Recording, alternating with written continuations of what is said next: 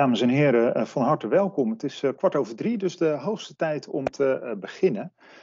Ja, zo'n drie jaar geleden zijn we gestart met het programma Stedelijke Transformatie. En nou, vanuit dat programma um, organiseren we deze sessie over de maatschappelijke waarde bij gebiedsontwikkeling. Ik ben Maarten Horen, projectleider Ruimte bij Platform 31 en vanuit daar de trekker van dit programma. Um, ik uh, ja, zal u dus ook uh, meenemen uh, vanmiddag in dit programma.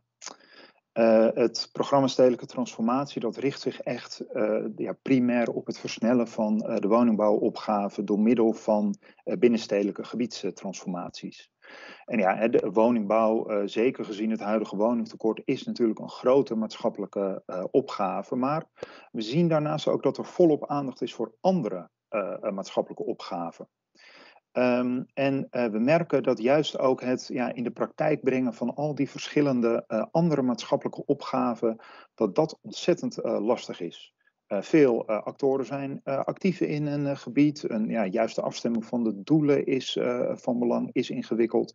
Ja, en ook de financiële middelen zijn ook niet oneindig. Ja, en dat merken we leidt tot verschillende discussies over de doelen. Ook ja, gedurende het proces van die gebiedsontwikkelingen die gewoon lang duren. Wat veel al tot ja, onnodige vertragingen leidt.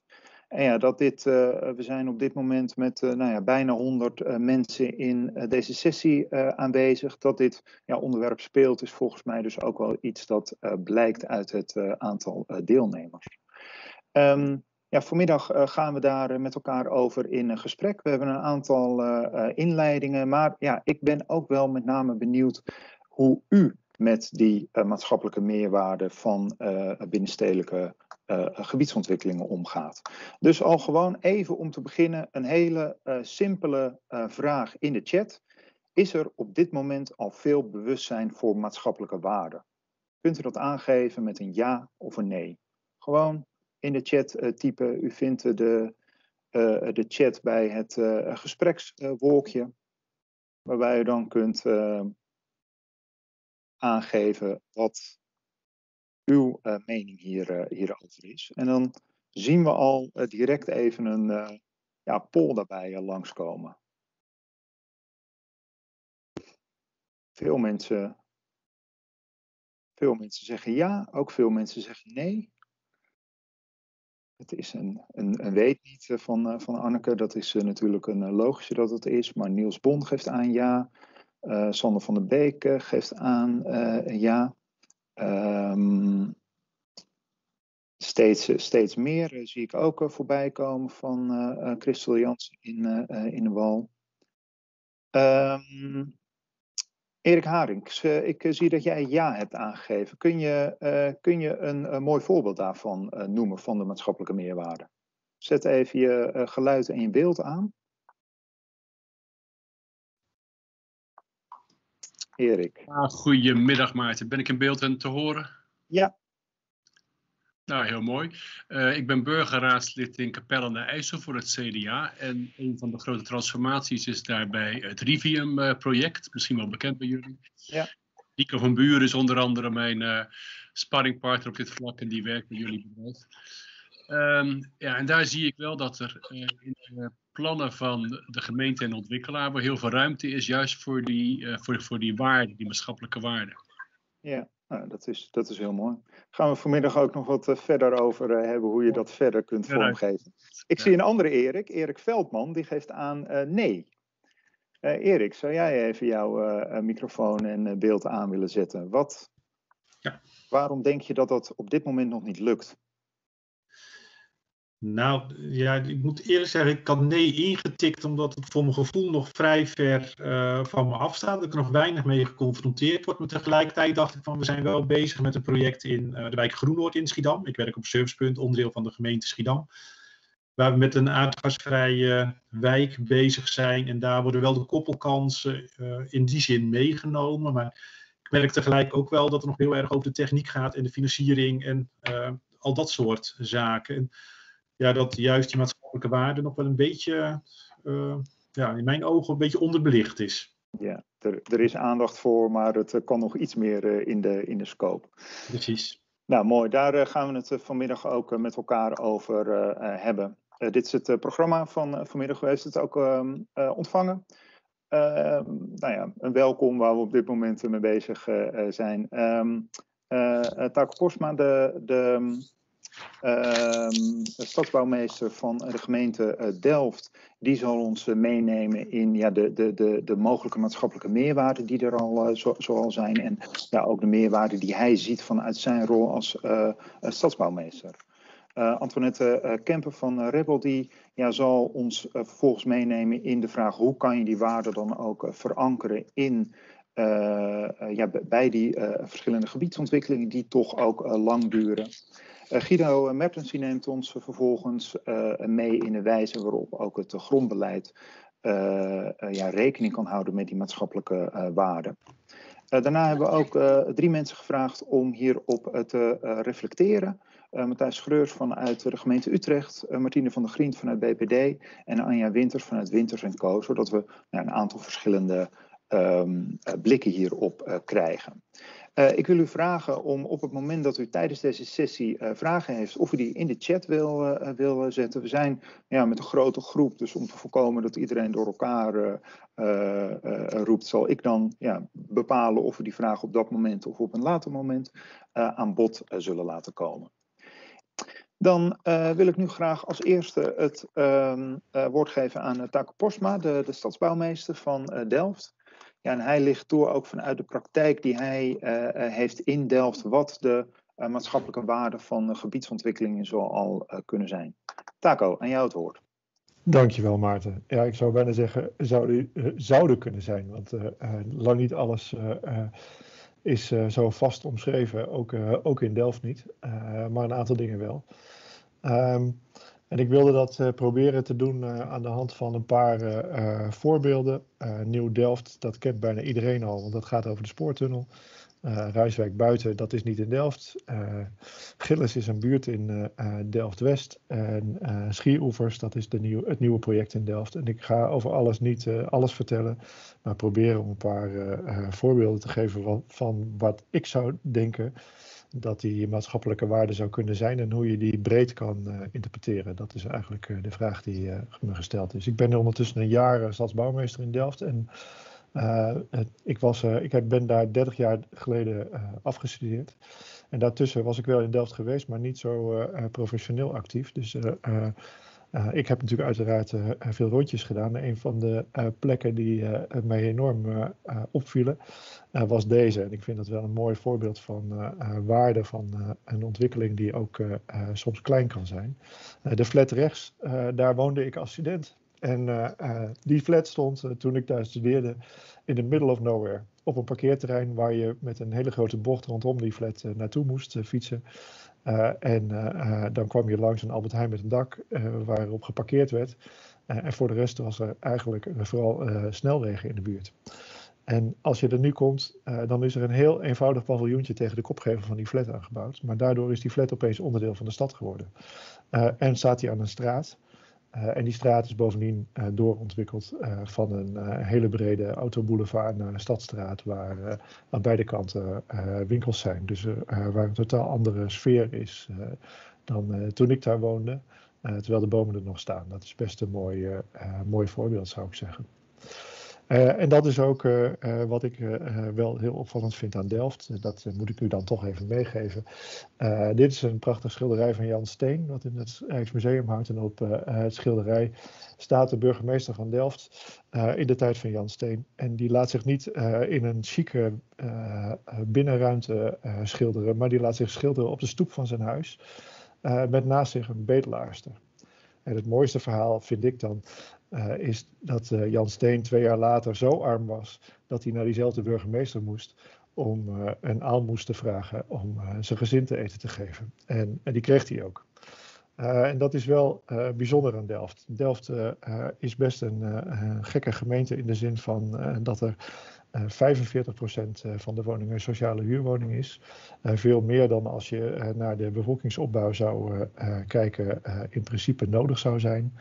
Uh, en tegelijkertijd uh, is daar een hele grote gemeenschap, uh, onder andere vanwege de TU die er natuurlijk is, met hoogopgeleide en ook zeer maatschappelijk geëngageerde mensen. En wat je dus heel veel ziet in Delft, en ik denk nog steeds meer dan in andere gemeentes, in ieder geval andere gemeenten waar ik woon, is uh, dat er allerlei mensen op een hele betrokken manier met de maatschappij bezig zijn. Uh, dat kan zijn door in een buurt waar mensen weinig contact met elkaar hebben een moestuin te beginnen. Uh, dat kan zijn door koffie te gaan schenken in een kopieerwinkel. Dat kan zijn door de kinderboerderij over te nemen, er een, een eier, een, een, kippenfarm van te maken en vervolgens allerlei mensen als maatschappelijk project de eieren te laten verkopen in de stad. zeg maar op een hele bijzondere manier bezig met hun eigen woonomgeving. En dat is ook nodig, want als je naar de leefbaarheidsbarometer kijkt, dan zie je dat, dat er nogal wat wijken zijn die grijs gekleurd zijn, wat over het algemeen betekent veel aandacht voor nodig. Hoe doen we dat? op allerlei manieren. we werken nu aan een omgevingsvisie. en in die omgevingsvisie proberen we eigenlijk allerlei onderwerpen die de stad raken, opgaven noemen we dat maar even, met elkaar in verband te brengen. Nou, ik hoef ze niet helemaal door te lopen, want die omgevingsvisies van bijna alle gemeentes die benoemen dezezelfde onderwerpen. maar ze zijn ook best wel lastig met elkaar echt in verband te brengen. En daar waar dat lukt, daar zie je ook meteen grote sprongen. En eigenlijk uh, geldt datzelfde voor uh, de global goals, die natuurlijk een beetje in de mode zijn om het over te hebben, ook in mijn gemeenteraad. die benoemen eigenlijk heel precies waar steden ze zich nadrukkelijk mee bezig zouden kunnen houden om te zorgen dat je een veel inclusievere en een veel beter functionerende gemeente uh, zou kunnen zijn die werkelijk voor iedereen uh, geldt en mensen met elkaar in verband in verbinding brengt. En tegelijkertijd denk ik iedere keer, het wordt pas interessant als je deze doelen met elkaar in verband brengt. En dat probeer ik vandaag een beetje met u te bespreken. daarbij is denk ik heel belangrijk dat we de stad niet benaderen als de stenen, maar als de samenleving.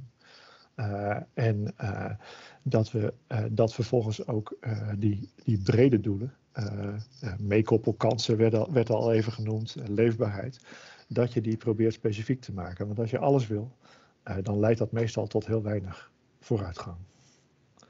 Nou, Nieuw-Delft. Nieuw-Delft is denk ik het meest spectaculaire beeld, is hier heel mooi samengevat. er liep sinds de jaren 60 een spoorviaduct dwars door de stad.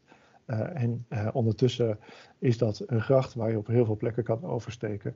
En uh, waar, waar de stad zichtbaar weer aan elkaar geknoopt is.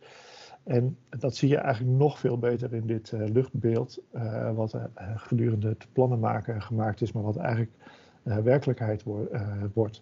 En dat is dat, dat, wat je hier heel goed ziet, is dat er eigenlijk stukken stad die voorheen gescheiden werden door een spoorviaduct en nu steeds meer met elkaar in uh, verband gebracht worden. En dat verband is bijna letterlijk. Toen ik studeerde was de Krakeelhof, ik weet niet of u mijn muis ziet, maar uh, links onderin, dat was een endfietsen. en nu is de Krakeelhof om de hoek van het station. Die Krakeelhof is echt niet verplaatst, maar voor iedereen's gevoel is het veel dichterbij geworden. En ik denk dat dat een, een, een manier is van uh, maatschappelijke waarden uh, die je moeilijk kan uitdrukken in geld, die je moeilijk aan, aan, de voorkant te benoemen is als een doel, uh, maar die wel van heel veel waarde is uh, voor de toekomst. Uh, ik, ik, neem aan dat velen van u wel eens een, een, een, boekje gelezen hebben over, of, of, een rapport, of onderzoeken gelezen hebben over onderwijs. Maar een van de meest significante vond ik dat in het onderwijs een enorm verschil merkbaar was. in, de, in de kansen voor kinderen die ouders hebben die niet lezen. En het bleek dat kinderen die in die op school zaten met uh, kinderen van ouders die wel lezen, dat die kinderen veel verder kwamen dan kinderen die op school zaten met vooral kinderen van ouders die niet lezen.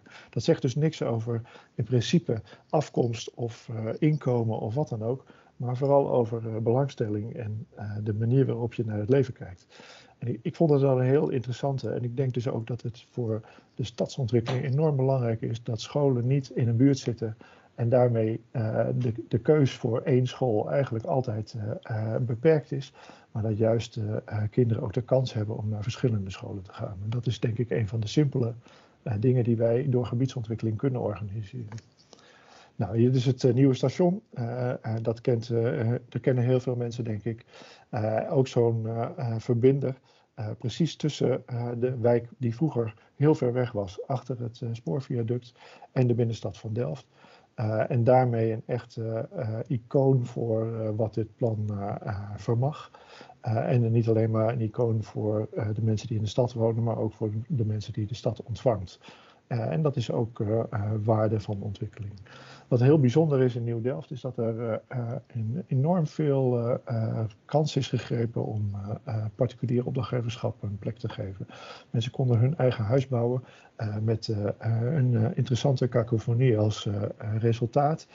ontwikkelaars hebben daar buitengewoon knappe bijdrage aan geleverd. En je ziet dus ook dat daar hele nieuwe uh, kansen uit voortkomen. Bijvoorbeeld iemand die een, uh, een enorm hoog huis helemaal in houtbouw realiseert.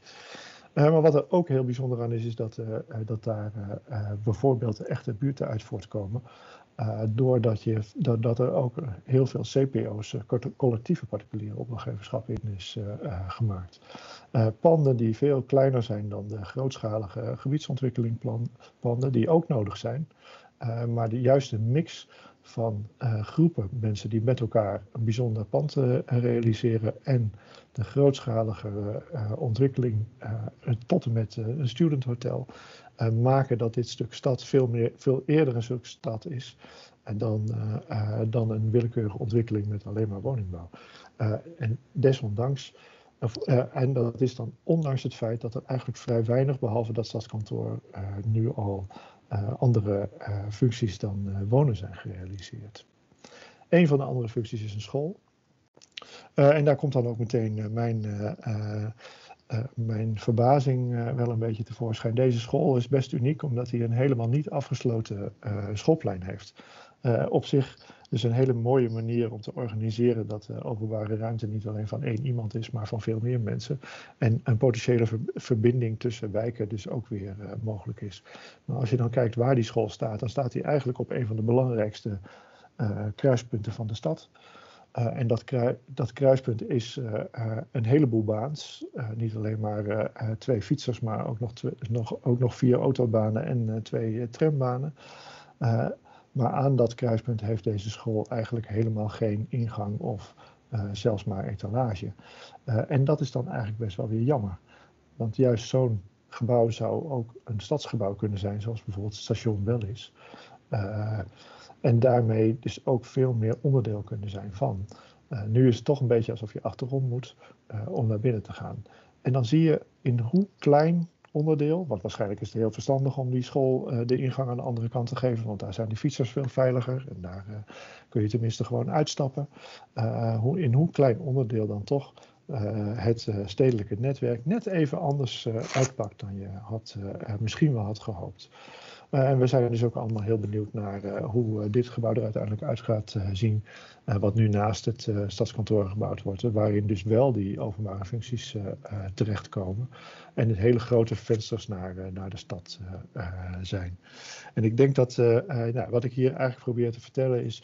Dat, we, dat daar dus geprobeerd is om een heel nadrukkelijk het stedelijk netwerk te repareren. En dat stedelijk netwerk heeft niet alleen maar een functie in uh, vervoer, maar vooral ook in, uh, in duurzaamheid. Uh, er zijn een heleboel milieu- of een heleboel ecologische verbindingjes en een heleboel waterverbindingen gerepareerd. maar er is ook een, een, maatschappelijke reparatie. een stuk stad wat, wat ver weg was, is opeens dichtbij. En daarmee zijn we weer meer naar elkaar toegegroeid. Um, dat heeft ook af en toe best wel frustraties uh, opgeleverd. Een prachtig onderzoek van CPB wat aangeeft dat, dat er 400 miljoen is verdiend door het verdwijnen van die, van die spoortunnel. dat komt door dat er minder overlast is, maar dat komt ook omdat die woningen dus veel dichter bij het centrum liggen en dus meer waard geworden zijn.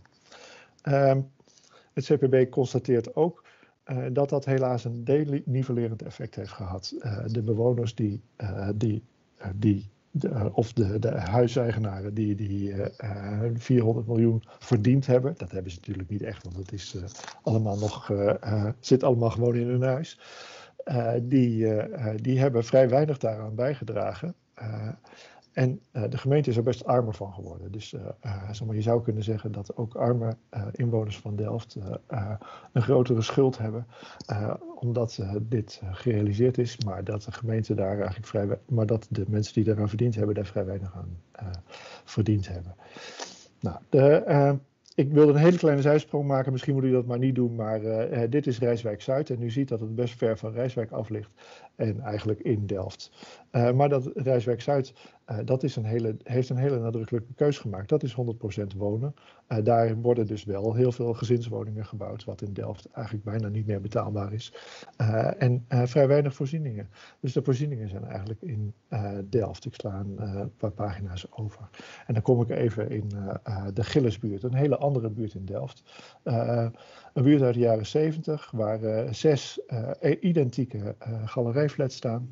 U, ziet links een hele mooi voorbeeld met heel veel groen. Uh, en uh, daar, uh, die, dan die buurt hebben we opgegeven om eens mee te doen in een, in een onderzoeksprojectje van de Rijksbouwmeester. waarin ge, gezocht werd naar hoe kunnen we met flexibele woningvormen wat doen wat ook een bijdrage levert aan de buurt. Dus hoe kunnen we door verdichting buurten verbeteren. en ja, daar heb ik toch wel veel van geleerd. Uh, dit is een, eh, een, analyse van die buurt. U ziet hier keurig al die uh, appartementengebouwen staan. U ziet ook hoeveel groen er is. Uh, en dit is bijvoorbeeld een voorstel wat we dan kregen. waarin gezegd werd van ja, in de structuur van de buurt is eigenlijk vrij onlogisch. En dus is het eigenlijk verstandig om een deel van een van de flats te slopen. Ik doe natuurlijk een beetje badinerend. En daar bouwen we dan nieuwe voor terug. Dan krijgt u iets meer woningen. en dan is het een veel betere buurt geworden.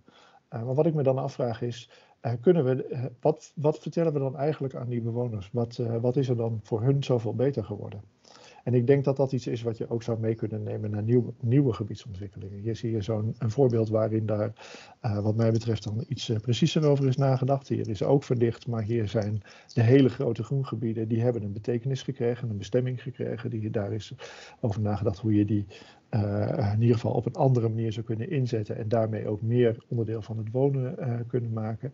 En uh, heel precies nagedacht over hoe dan bijvoorbeeld de plint van een gebouw of de bovenkant of de kop veel meer betrokken zou kunnen zijn bij het buitengebied. en zelfs dan is het nog best lastig om te bedenken hoe een, hoe een eenvoudige bewoner die misschien wel met een armoedeprobleem zit en vooral bezig is om te overleven, hoe je die moet uitleggen dat hij erop vooruit gaat als er meer buren komen.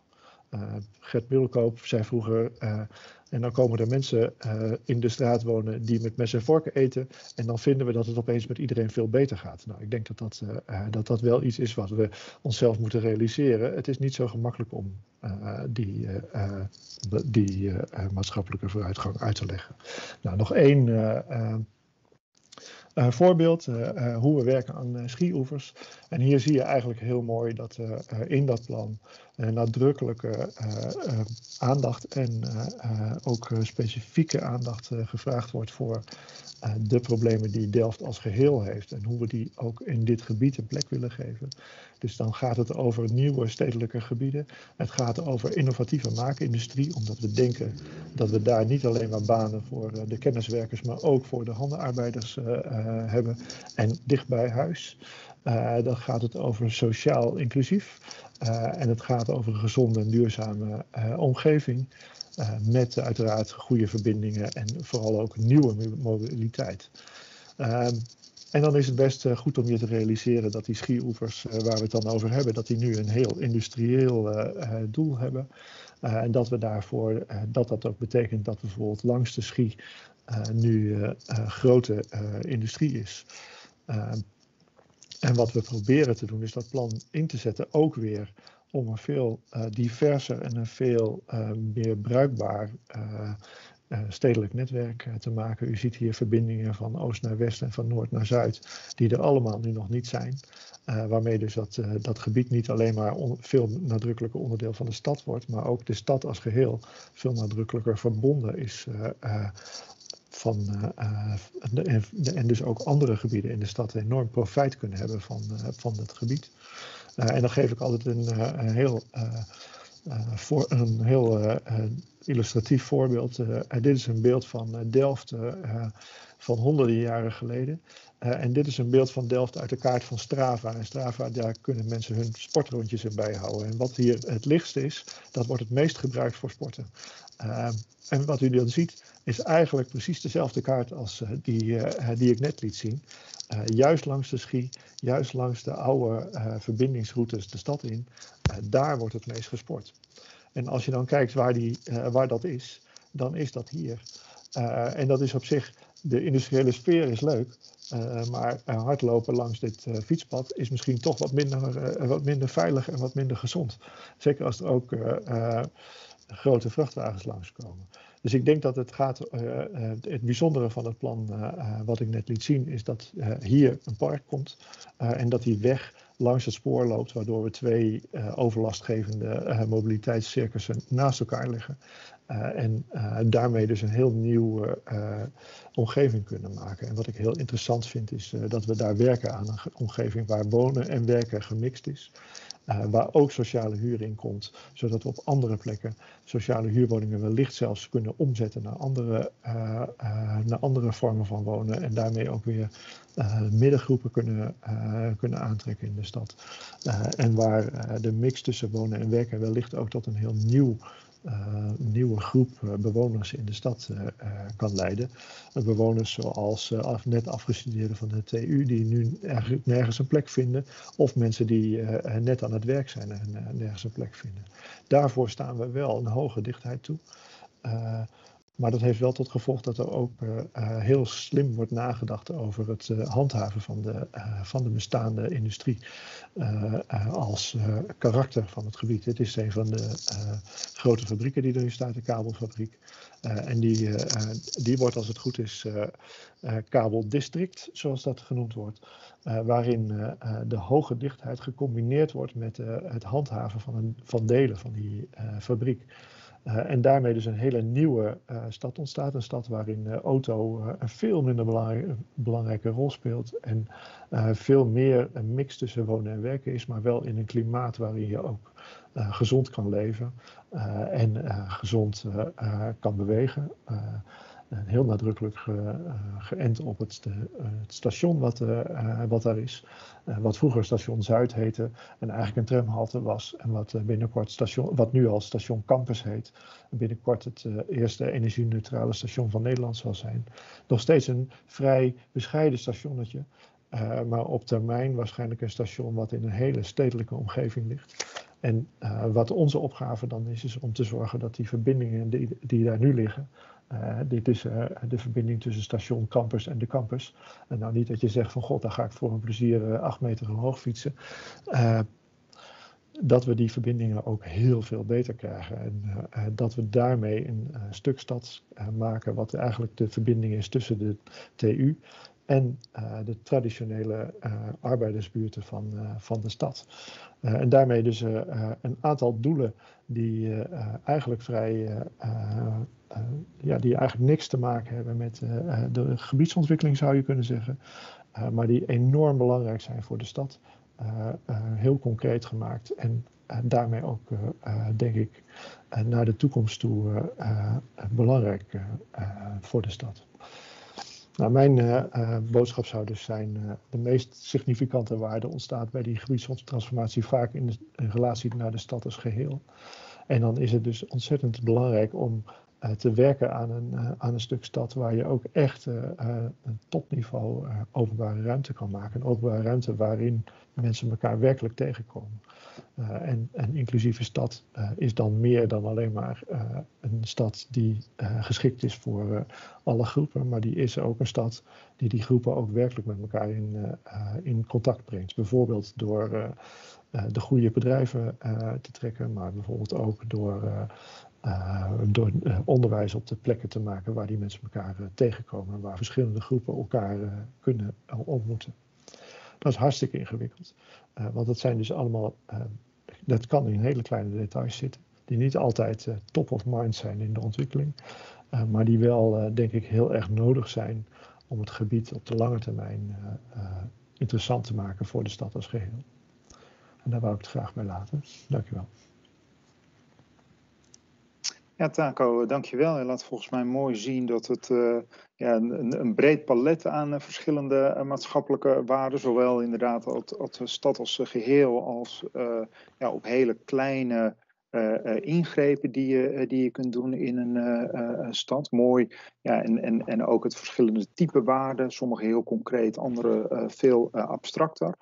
Een uh, vraag die Tanja uh, Eekhuis stelt in de chat en die volgens mij ook wel aansluit bij de, de laatste opmerkingen die je maakte hè, over dat het uh, ontmoeten van belang is en de, de, de stad voor iedereen maken. Je, je noemde het ook eerder al de, de inwoners die met mes en vork eten, nou ja, dat, dat als die in een wijk zijn, dat het dan goed komt.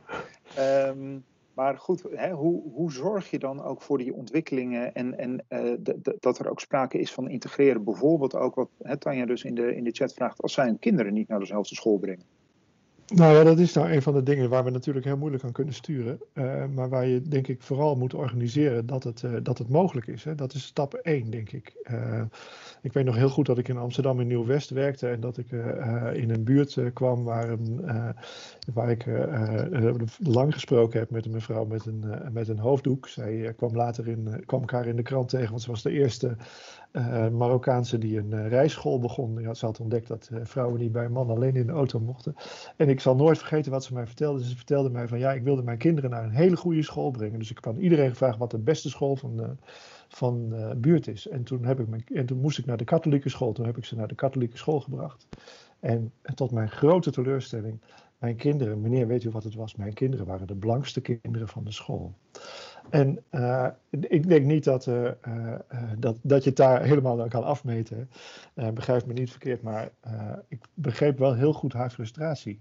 zeg maar, ik denk dat als je opgesloten zit tussen aanhalingstekens in een buurt waar geen keuzes in onderwijs, dan doe je het in ieder geval verkeerd. Dus wat ik daarvan geleerd heb, is dat in ieder geval die school altijd op een overgang van twee buurten moet staan, als het even kan. En dat, die buurt, en dat kinderen daarna veilig naartoe moeten kunnen. Uh, en wat je natuurlijk heel veel ziet in die buurten, in dat soort buurten, is dat de wegen rondom een buurt uh, vaak de snelwegen zijn waar je moeilijk kan oversteken. Dus uh, dan is er heel weinig aanleiding om, om verder te kijken dan, dan je eigen buurt. Nou, ja, zeg dus maar, in, het, in, in elk geval al beginnen met de juiste voorwaarden die je kunt creëren. Ik begin maar met de voorwaarden, want zeg ja. maar, ik ga ze niet naar een school duwen. Dat ga ik niet, dat ga ik zeker nee. vanuit gebiedsontwikkeling nooit voor elkaar krijgen, maar ik kan wel nee. proberen. Ja, nee, dank je, dank je wel. Uh, Ralf Zelder stelt nog vragen over de, de betaalbaarheid en door wie. Ik denk dat we daar ook later nog uh, tijdens deze sessie over aan bod gaan komen. Ramon Staal, als je het niet erg vindt, ik sla jouw vraag even over. Want ja, dat is toch ook wel een, ja, een bewust politieke keuze. En nou ja, de, de, de, politieke keuzes in, in Delft wil ik nu toch maar niet ter discussie gaan stellen. Maar mogelijk dat we dat op het einde van de sessie nog even aan bod kunnen, kunnen laten komen. Ik vind de vraag van Erik Haring die aangeeft, hè, groen, dat ging over de Gillesbuurt, is vooral kijkgroen. Is er ook aandacht voor recreatiegroen? En ik denk, ja, hoe, hoe ga je om met de uh, waarde van. Ja, groen kan ook verschillende soorten waarden hebben. Hoe ga je daarmee om? Dat is een hele leuke vraag. Een, korte reactie. Ja, ik vind het een hele leuke vraag. Mijn gemeenteraad vraagt dat ook. En, uh, en terecht, uh, zeg maar. Wij hebben in Delft heel... In de, in, het was mij ook opgevallen dat in Delft heel veel groen, uh, vooral kijkgroen is. en ecologisch hoog gewaardeerd wordt. Omdat het, als er weinig mensen komen, dan kunnen er veel beesten leven. Dat is ook een waarde. Uh, die is ook niet onbelangrijk. Uh, maar uh, het is inderdaad zo dat het onze aandacht heel erg heeft van hoe je nou kan organiseren dat groen veel, veel meer van mensen zelf is die eromheen wonen. En daarmee dus ook veel bruikbaarder en vooral ook veel beter, veel beter verzorgd wordt. dus dat is een van de onderwerpen waar we de komende jaren denk ik heel veel over gaan praten en, en doen met elkaar. Ja, dus zorgen dat de mensen ook uh, betrokken zijn bij de, de ontwikkeling en de inrichtingen uh, daarvan. Uh, dankjewel Taco voor deze inleiding. mooi om nou de, de, verschillende manieren van de gebiedsontwikkelingen voor elkaar te krijgen. Antoinette, mag ik jou vragen om het woord over te nemen? Antoinette Kemper van Rebel. Daar zou ik ingaan op, ja, hè, dan, dan, hoe kan je ook nog die, die waarden wat concreter maken? En hoe zorg je er ook voor dat die tijdens het proces van de gebiedsontwikkeling je die ook uh, vast kunt, uh, kunt houden?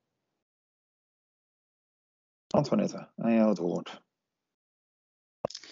Ja, dankjewel. Uh, ja, ik uh, pak denk ik door waar Taco is gebleven en neem ook nog een stukje over. Want hoe veranker je nou die maatschappelijke doelen tijdens het proces van gebiedsontwikkeling? was de vraag die aan mij was gesteld. En dan ga ik eigenlijk in op vier thema's. En het eerste is dat je de maatschappelijke uitgangspunten als vertrekpunt zou moeten nemen. En dat is gedurende het hele proces. En dat klinkt als een open deur. Uh, maar dat is het niet. Want vaak is aan het begin is, zijn die maatschappelijke doelen nog wel in beeld. Maar gaande het proces dan uh, merk je dat andere elementen zoals de betaalbaarheid, business case, ruimtelijke uh, en stedenbouwkundige invullingen veel meer de focus krijgen. Um, dus daar ga ik op in. Um, ik ga ook nog even één stapje weer terug van het is leuk dat je die maatschappelijke uitgangspunten als uh, uh, uh, vertrekpunt neemt. Maar hoe doe je dat nou? Hoe doe je dat nou concreet? Taco is daar ook op ingegaan. Um, en ik heb daar ook nog wat perspectieven op aanvullend, omdat dat natuurlijk heel bepalend is. Je verankert namelijk die doelen die je met elkaar hebt bedacht, die veranker je in, in je processen. En daarmee ga, stem je onder andere met marktpartijen af dat die hopelijk ook um, die maatschappelijke waarde meenemen. Maar uh, tegelijkertijd is er ook nog een andere werkelijkheid, en dat is de financiële haalbaarheid. En een van de stellingen in de Mentimeter was of die maatschappelijke waarde altijd financieel is uit te drukken. Nou, dat is niet altijd zo, dus daar lijkt ook een spanning te bestaan. En uh, daar gaan we dan uh, in dit kwartiertje ook even op in. Um, um, wat wij zeggen, en dat geldt niet alleen voor gemeentes, maar zeker ook voor marktpartijen, is dat je de maatschappelijke uitgangspunten, dat je die altijd als leidraad moet nemen. En dat dat ook uh, gedurende je hele proces doorwerkt. En wat zijn die maatschappelijke uitgangspunten? Dat, zijn, dat is per plek is dat verschillend.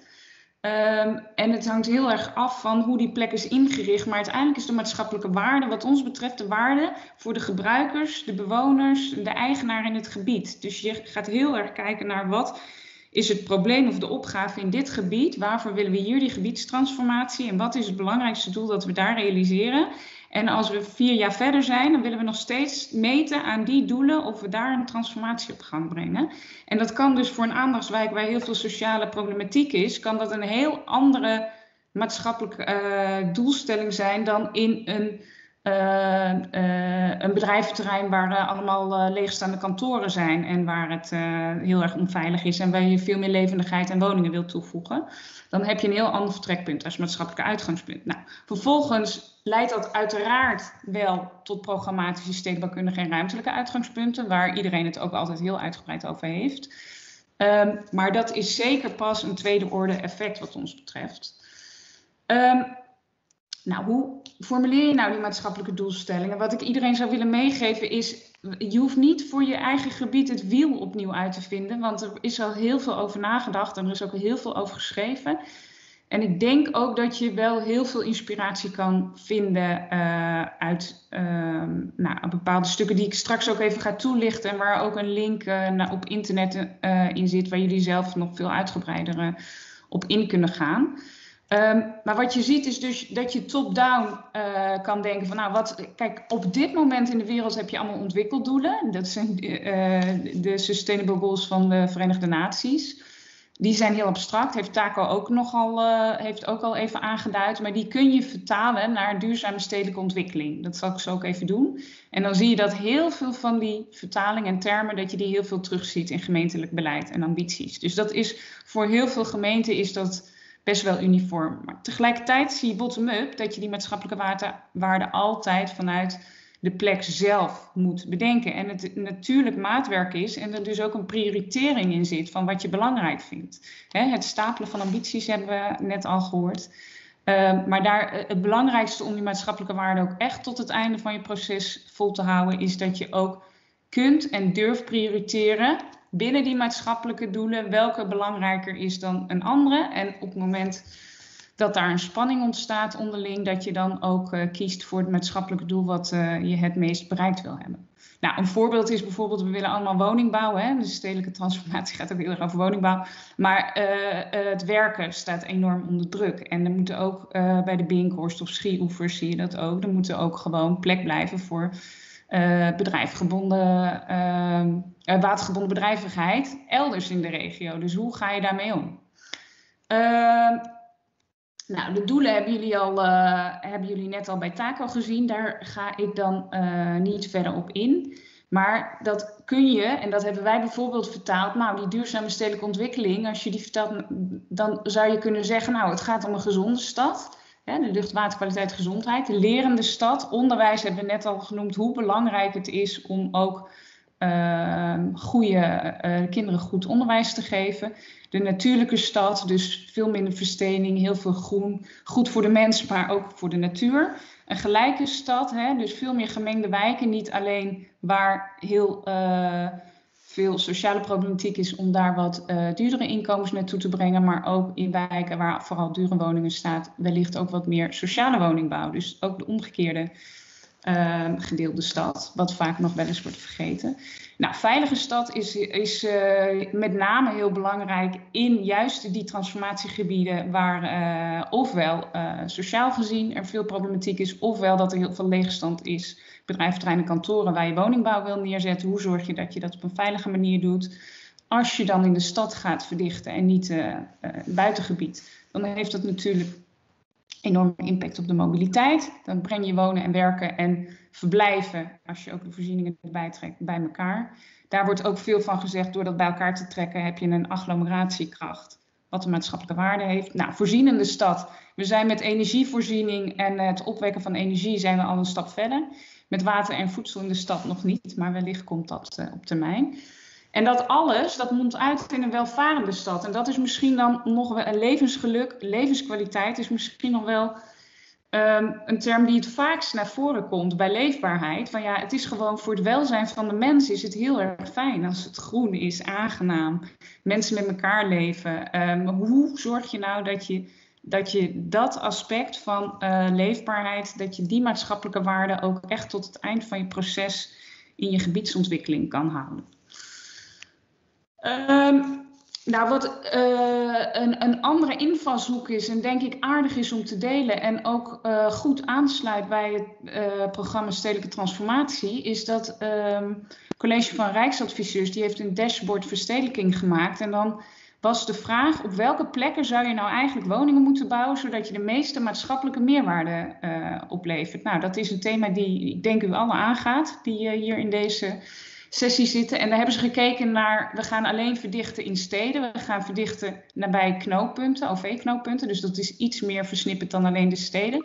Of we gaan dat ook in woonlandschappen uh, doen. En dat is ook in buitengebied. En het blijkt dat overal woningbouw toevoegen maatschappelijke waarde oplevert. Maar dat het vooral in de steden de meeste meerwaarde oplevert omdat er allemaal uh, maatschappelijke, andere maatschappelijke doelen worden bereikt met het uh, verdichten uh, van de stad en het toevoegen van woningen. En er zijn een aantal voorbeelden daarvan. Zijn bijvoorbeeld dat je ook meekoppelkansen hebt. Als je de energietransitie mogelijk wil maken en je gaat flink verdichten in de stad, dan kan je ook de bestaande, maar ook de nieuwe woonwijk kan je van een duurzame energie voorzien. bij steden waar het slecht gaat met uh, nou, sociale problematiek kan je door verdichten, kan je een andere doelgroep toevoegen. Nou, daar hebben we het net uitgebreid over gehad, over vork, mensen met mes en vork. Daarmee verdwijnen de problemen absoluut niet, maar daardoor is er wel een kans om bijvoorbeeld opbrengsten te genereren, waarmee je die scholen, die je dus heel graag in dat gebied wil hebben, uh, dat je die daar ook kan realiseren. Of dat je onveilige buitenruimtes, dat je die veiliger maakt. Of dat je zorgt dat je ontmoetingsplekken in de buitenruimte veel logischer maakt. Uh, waardoor mensen elkaar kunnen ontmoeten. Um, dus dat zijn allemaal effecten die door de verdichting kunnen worden gerealiseerd. Nou, een andere is uh, voorzieningen die er zijn, die kunnen versterkt worden door die verdichting. Maar het kan ook zo zijn dat voorzieningen en ook maatschappelijke voorzieningen opeens mogelijk worden, daar waar ze in wijken nog niet mogelijk waren. Dus het is denk ik interessant om daar dan ook uit te putten in het verder vormgeven van de, de hè, wat zijn de maatschappelijke doelen die je met je eigen gebiedsontwikkeling zou realiseren.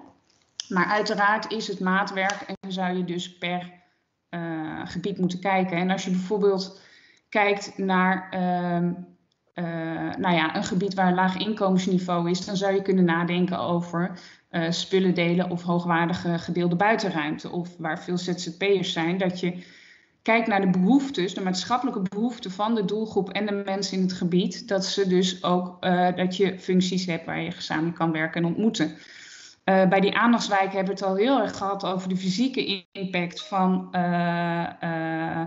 een stedelijke transformatie. Maar wat daar heel belangrijk is, is dat er ook een heel sociaal programma onder hoort te zitten. Dus de behoefte daar zal bijvoorbeeld veel meer zijn om ondersteuning in zorg, onderwijs en werk te vinden. Nou, het Nationaal Programma Rotterdam Zuid heeft daar uitgebreide, jarenlange ervaring, ook rijksmiddelen voor gekregen om. Uh, om naast de fysieke ingrepen, om ook sociaal daar echt meer te doen. Daar gaan kinderen per week tien uur extra naar school, met soms ook voorschoolse opvang. En dat alles om ook de kansen voor die mensen te verbeteren naar de toekomst toe. En ook die wijken naar de toekomst toekomstbestendig te maken. Nou, ik denk met name in kantoortrans eh, kantoorgebieden transformaties, waar heel veel gebouwen en straten zijn, dat het heel belangrijk is dat je met uh, verdichting, woningbouw toevoegen ook natuur kan toevoegen. En gemengd wonen, werken, industrieterreinen, wat je daar als behoefte zult zien, is dat je wil zorgen dat er voldoende reuring ook s'avonds is. Dus niet alleen maar wonen en werken overdag, maar ook voorzieningen, um, zodat het een echt leefgebied wordt.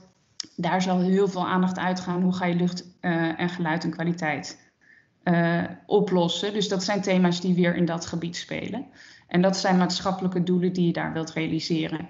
Dit is een voorbeeld van, denk ik, kijken van waar zit die maatschappelijke waarde, waarbij je nog helemaal niet bezig bent met hoe ga ik nou ruimtelijk het gebied indelen, welk programma ga ik daar precies doen en welke omgevingsuitgangspunten ga ik meenemen. Ik hoorde in, de, um, uh, in het voorgesprek zei Erik Veldman zei het gaat heel erg over, focust heel erg op techniek en financiering. En uh, je merkt dat je heel gauw op een gegeven moment bezig bent met de stedenbouwkundige uitwerking en de techniek en uh, hoe krijg ik het geld bij elkaar. En dan is het goed om altijd weer terug te gaan, maar wat was ook alweer de aanleiding wat we met deze wijk wouden. Nou, dat, tot zover de maatschappelijke doelstellingen hoe veranker je dan vervolgens hè, die doelstellingen in, uh, in het proces wat je hebt met uh, partijen in het gebied? Um, uiteindelijk is het zo dat gemeenten toch wel de representant zijn van de maatschappelijke waarden. Zij borgen niet voor niks met hun beleid heel erg dat die maatschappelijke waarden die in dat gebied op lange termijn aantrekkelijk en leefbaar te maken, dat zij dat een plek geven in het proces. En uh, een hele goede manier om dat te doen is van oudsher, als je grond hebt als gemeente, dat je zelf uh, uitgangspunten formuleert en dat je tendert in de markt. Nou, daar, kun je ook een aparte sessie over houden hoe je dat gaat doen. Maar met name bij binnenstedelijke transformaties zijn er dus heel veel gebieden waar een heel versnipperd bezit is met heel veel grondeigenaren en dus niet zo makkelijk kan zeggen hoe het eraan toe gaat. Um, en wat je dan ziet is dat je vaak een nou ja, een instrument hebt. Je, je kan het een gebiedsvisie noemen, een masterplan. Er zijn heel veel verschillende termen voor. Maar dat je bij aanvang van een ontwikkeling in een gebied, dat je een gebiedsvisie vaststelt. En daarin kan je die maatschappelijke uh, uitgangspunten, maatschappelijke waarden goed terugbrengen. Dat gemeentelijk beleid wat je hebt, kun je vertalen naar die uh, gebiedsvisie. Maar ook de kenmerken van de plek, van wat voor identiteit heeft het, wat zijn de sterke kanten, wat zijn de zwakke kanten, wat is de urgentie, welk probleem wil ik oplossen, maar welke kansen biedt het ook uh, deze ruimte om uh, dit gebied om naar de toekomst uh, de, de sterktes te benutten. En de gebruikers en eigenaren in het gebied, betrek die alsjeblieft al vroegtijdig om ook te borgen dat wat je in die gebiedsvisie schrijft, dat dat ook realistisch is en haalbaar. Nou, dan zie je een paar andere vervolgstappen om je maatschappelijke uh, doelen of waarden of uitgangspunten te borgen. En dat is bijvoorbeeld dat na die gebiedsvisie er een ontwikkelkader komt, of een gebiedspaspoort, of een stedenbouwkundig programma van eisen. Er zijn allemaal termen voor, waarbij veel concreter dan de visie wordt verankerd dat daar een aantal harde uitgangspunten in worden vastgelegd. Um, en dat zal vaak dan in plannen, vaak privaat wordt dat gedaan. Het kan ook in een samenwerking tussen overheid en marktpartijen. Wordt een en ander uitgewerkt en het wordt ook in overeenkomsten worden zaken vastgelegd. Um, nou, dit is een voorbeeld. Er zijn heel veel manieren om uh, een gebiedsontwikkelingsproces uh, te beschrijven. Het gaat niet precies om welke stapjes uh, gedaan worden. Maar het belangrijkste is dat daar in de gebiedsvisie heel duidelijk vanuit de maatschappelijke doelen en uitgangspunten wordt uh, geredeneerd en dat je probeert dat vol te houden. Nou, deze thema-sessie gaat ook van hoe veranker je het nou langdurig in het proces en hoe zorg je dat het niet gaande de rit uh, dat dat sneuvelt. In uh, de Mentimeter was er een vraag waar iedereen dacht, nou het blijft nog redelijk, scoren 3, blijft nog redelijk gehandhaafd de maatschappelijke waarde, maar toch ergens in het proces gaat er misschien ergens toch wel eens een keer wat mis. Um, dat komt omdat op een gegeven moment die maatschappelijke waarden aan de voorkant heel makkelijk uh, benoemd worden, maar in de praktijk het nogal weer barstig is dat die maatschappelijke waarden ook uh, gefinancierd kunnen worden. Uh, en het college van Rijksbouwmeesters onderkent ook dat heel veel van de maatschappelijke waarden van de verdichtingen die woningen toevoegen, dat dat niet waarde is die directe financiële baten zijn. Dus die niet zomaar aan de voorkant in het project gestopt kunnen worden om uh, de investeringen te bekostigen. Um, dus dan is het een kwestie van, het is eigenlijk hetzelfde schema als net, van hoe stuur je vanuit een overheid uh, richting planuitwerking met wat overeenkomsten. Dat je gedurende de hele rit ook de koppeling legt met de business case. En uh, op hoofdlijnen kijkt hoe kun je nou borgen dat je het ook kan waarmaken. En daar zit een spanning tussen, maar er zijn ook wel mogelijkheden waar maatschappelijke meerwaarde en de business case samengaan.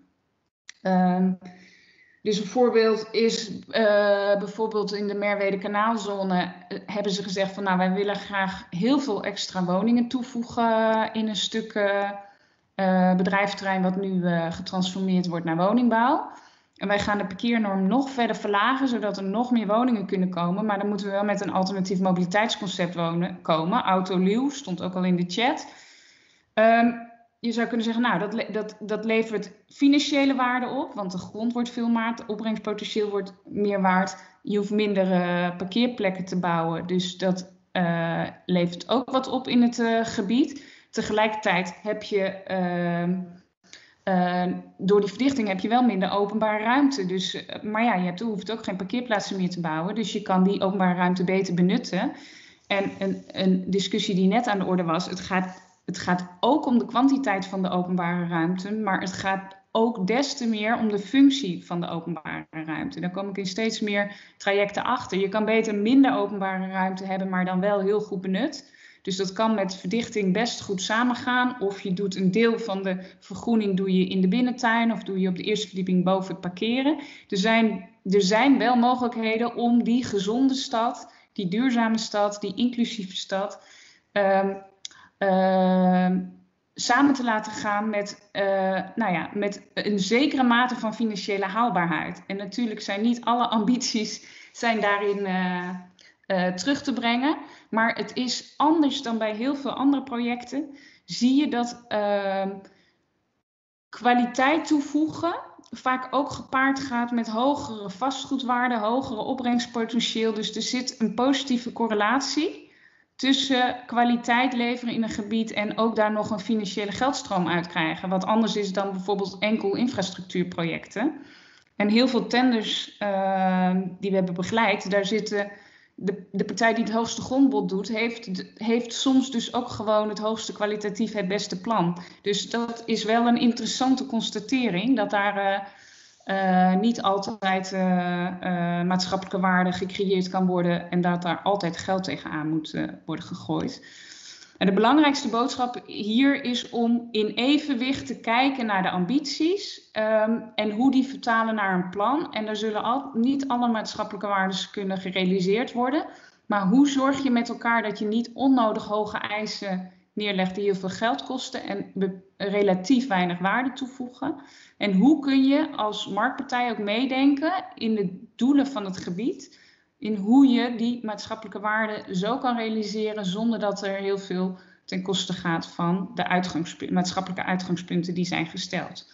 Dus dat is een wisselwerking tussen partijen en van marktpartijen vraagt dat ehm, een uh, betrokkenheid en een geloof in werken aan een gebied. Dus het is wat anders dan een plotontwikkelaar of een vastgoedontwikkelaar, een gebiedsontwikkelaar die denkt langjarig, ook al gaat hij op een gegeven moment mee, weg langjarig mee aan hoe dat gebied er op lange termijn uit kan zien, is open en transparant over de business case en kan ook goed uitleggen waarom sommige eisen of wensen financieel onaantrekkelijk zijn en helpt meedenken in sturen hoe die maatschappelijke waarde toch zo goed mogelijk bereikt kan worden. Nou, een andere bekend, voor sommigen misschien bekende uh, construct, hè, de, de, de ladder van duurzaamheid, uh, verduurzaming bestaat, maar ook de ladder van bekostiging.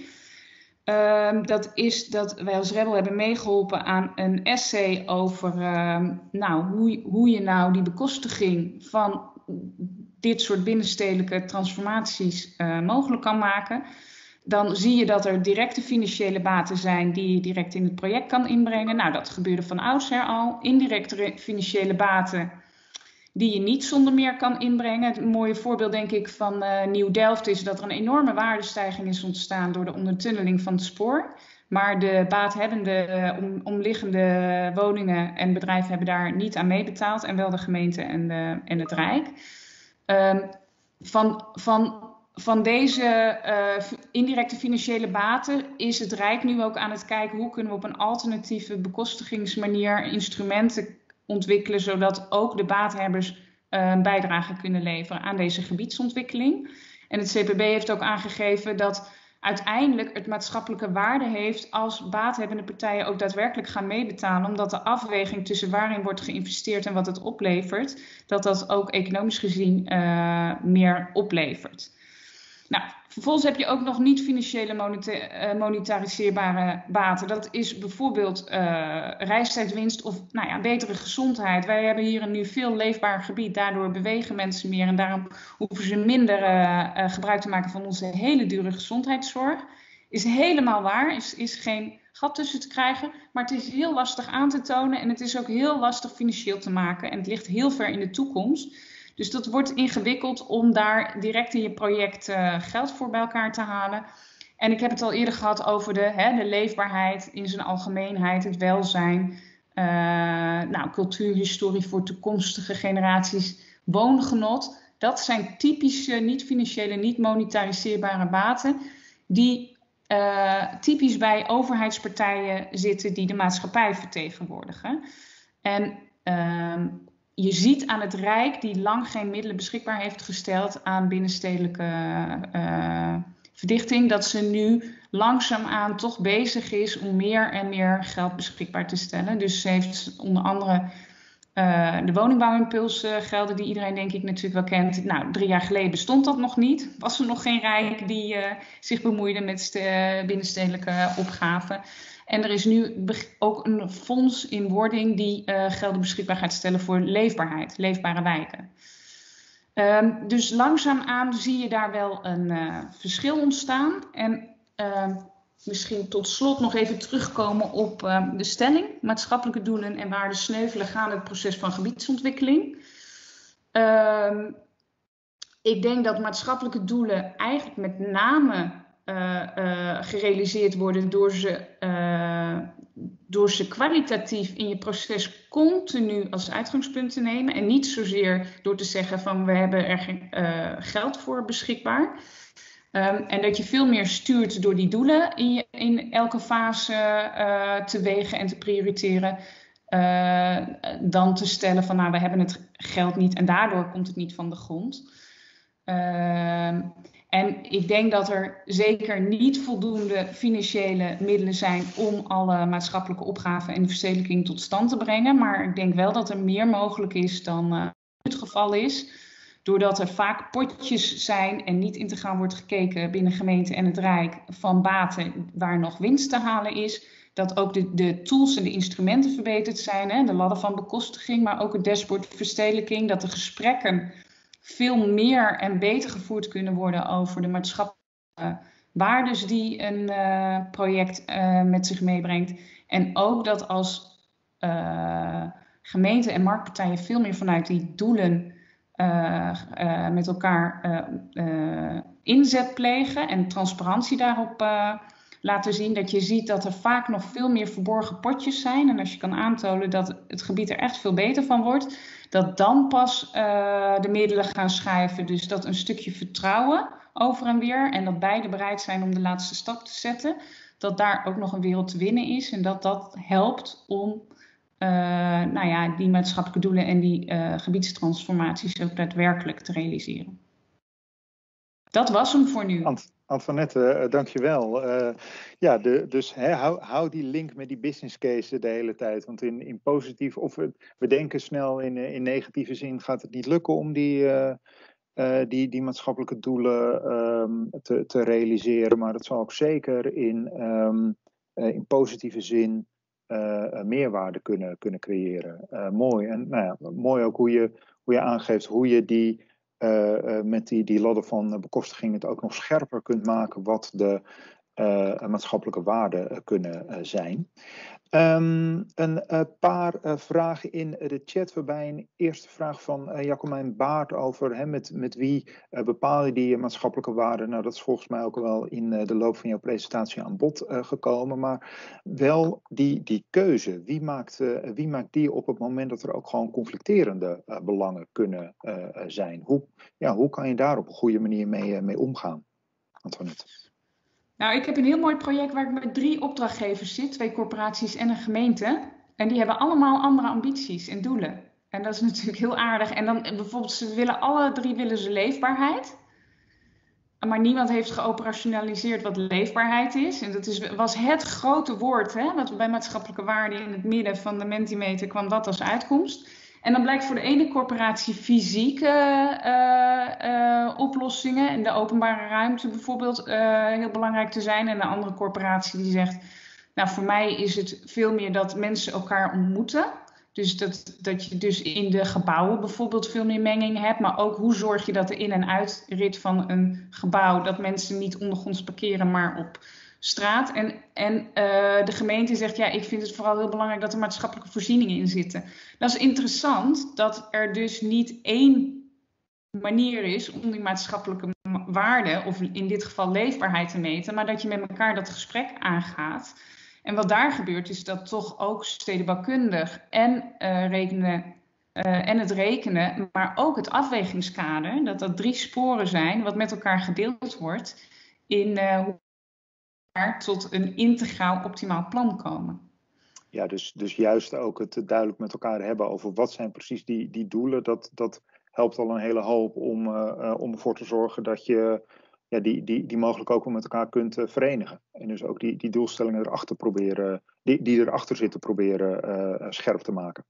Ja, en, maar ook de belangen, de belangen tegenstellingen zijn ook heel goed om. Uh, en ook uit te leggen waarom je een ander belang hebt, is ook goed om vroeg in het proces te onderkennen. Want anders komt het er later in het proces wel weer uit. Ja, ja dat, is, uh, dat is helder. Um, dankjewel.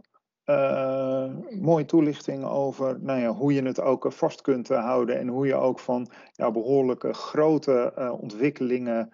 Uh, naar de, naar de uh, wat kleinschaliger um, vraagstukken in die, in die gebiedsontwikkelingen kunt uh, gaan. de rol van de bewoner, inderdaad een, een vraag die door Peter wordt gesteld. Die wil ik eventjes tot het, einde ook van, um, van deze sessie nog bewaren om, om te zien of we daar ook nog de tijd voor, um, voor hebben. Um, dan wil ik nu graag het woord geven aan um, uh, Guido.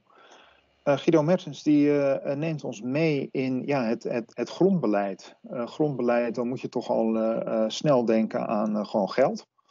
En gewoon keiharde financiële afrekeningen.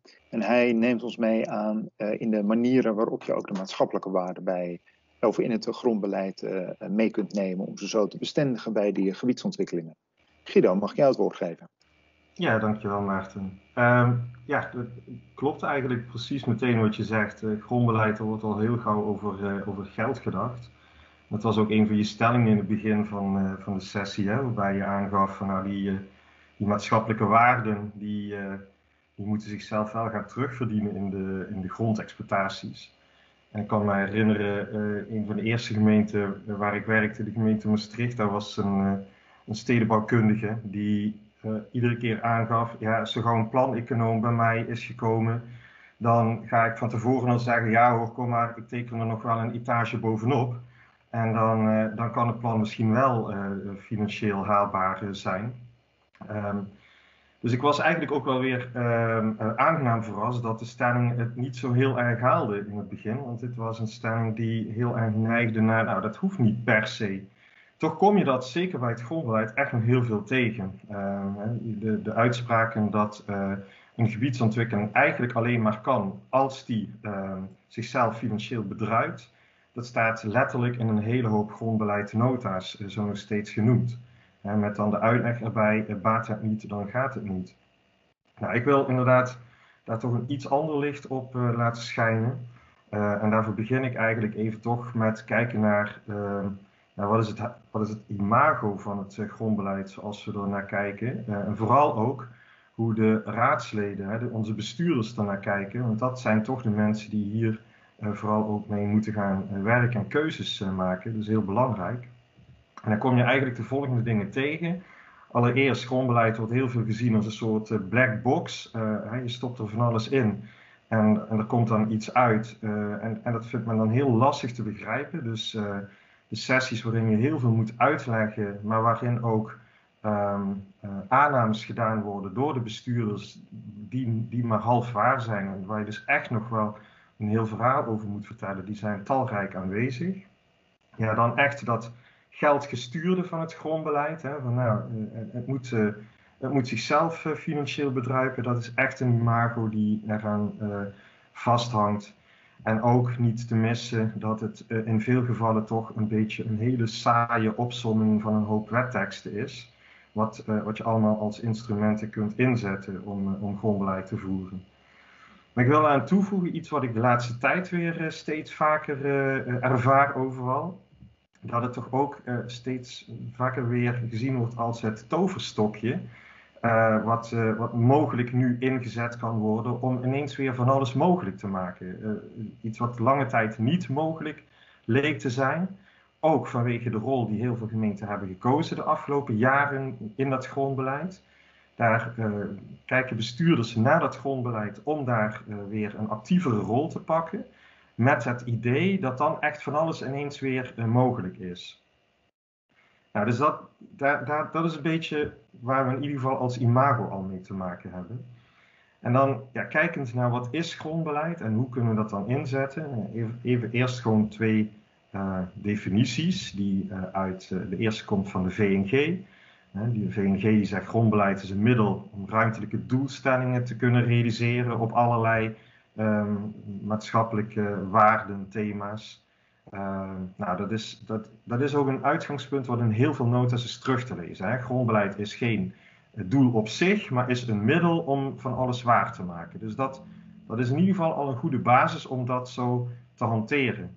En ook de commissie BBV, hè, die het heeft over de, de, de financiële spelregels waar we naar moeten handelen, die heeft opgenomen in, uh, in het artikel wat gaat over de paragraaf grondbeleid die we in ieder geval als gemeente moeten opnemen in een eh, begroting. Dat die paragraaf tenminste toch ook echt een visie moet hebben op hoe dat grondbeleid ingezet kan worden in relatie tot de realisatie van doelstellingen van programma's in de begroting. En daarmee wordt dus een hele nadrukkelijke link gelegd tussen de inzet van het grondbeleid en wat wil je dan allemaal bereiken als, uh, als gemeente. En want in die programma van de, programma's van de gemeentebegroting, daar beschrijft de Raad wat ze aan doelen allemaal willen bereiken op allerlei uh, verschillende sectorale thema's. Nou, dus de basis is goed, maar hoe gaan we met grondbeleid en vooral de keuzes van grondbeleid om in de praktijk? En dan moet ik eigenlijk toch beginnen met een heel klein stukje economie.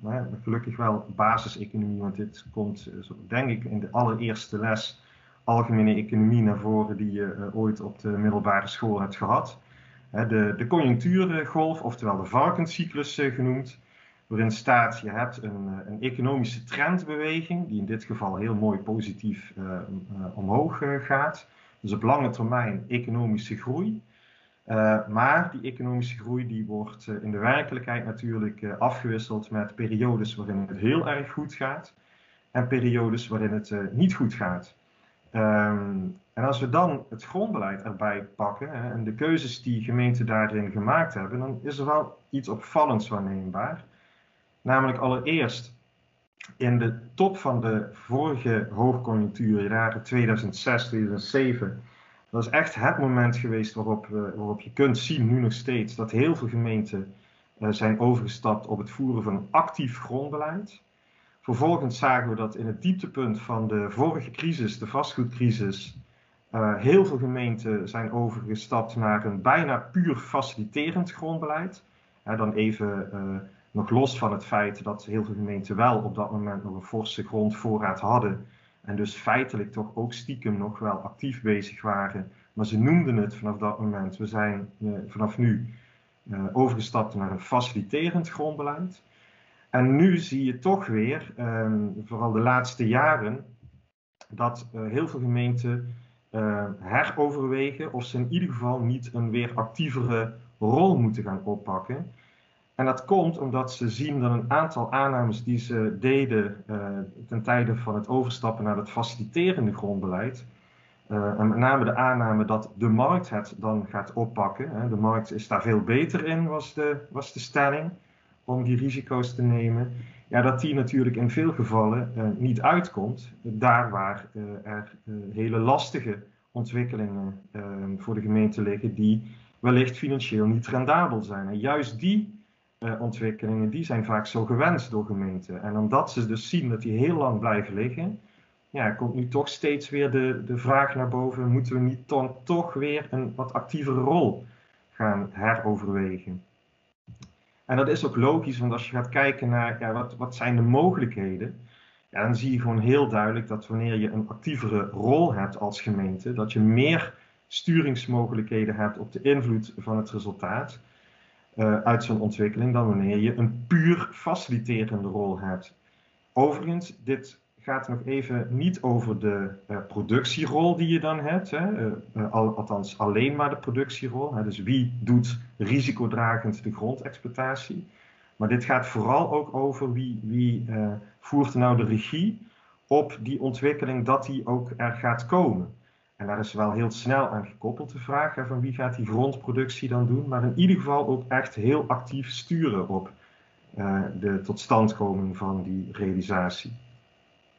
Wanneer we daar echter het risicoverhaal aan koppelen, ja, dan komt er iets waar veel gemeenten voor schrikken. Hè, want dan hoort men in ieder geval bij die actieve grondproductie, ja, daar hoort bij dat ze daar uh, hogere financiële risico's lopen dan wanneer er een puur faciliterende rol wordt opgenomen. En dat maakt huiverig.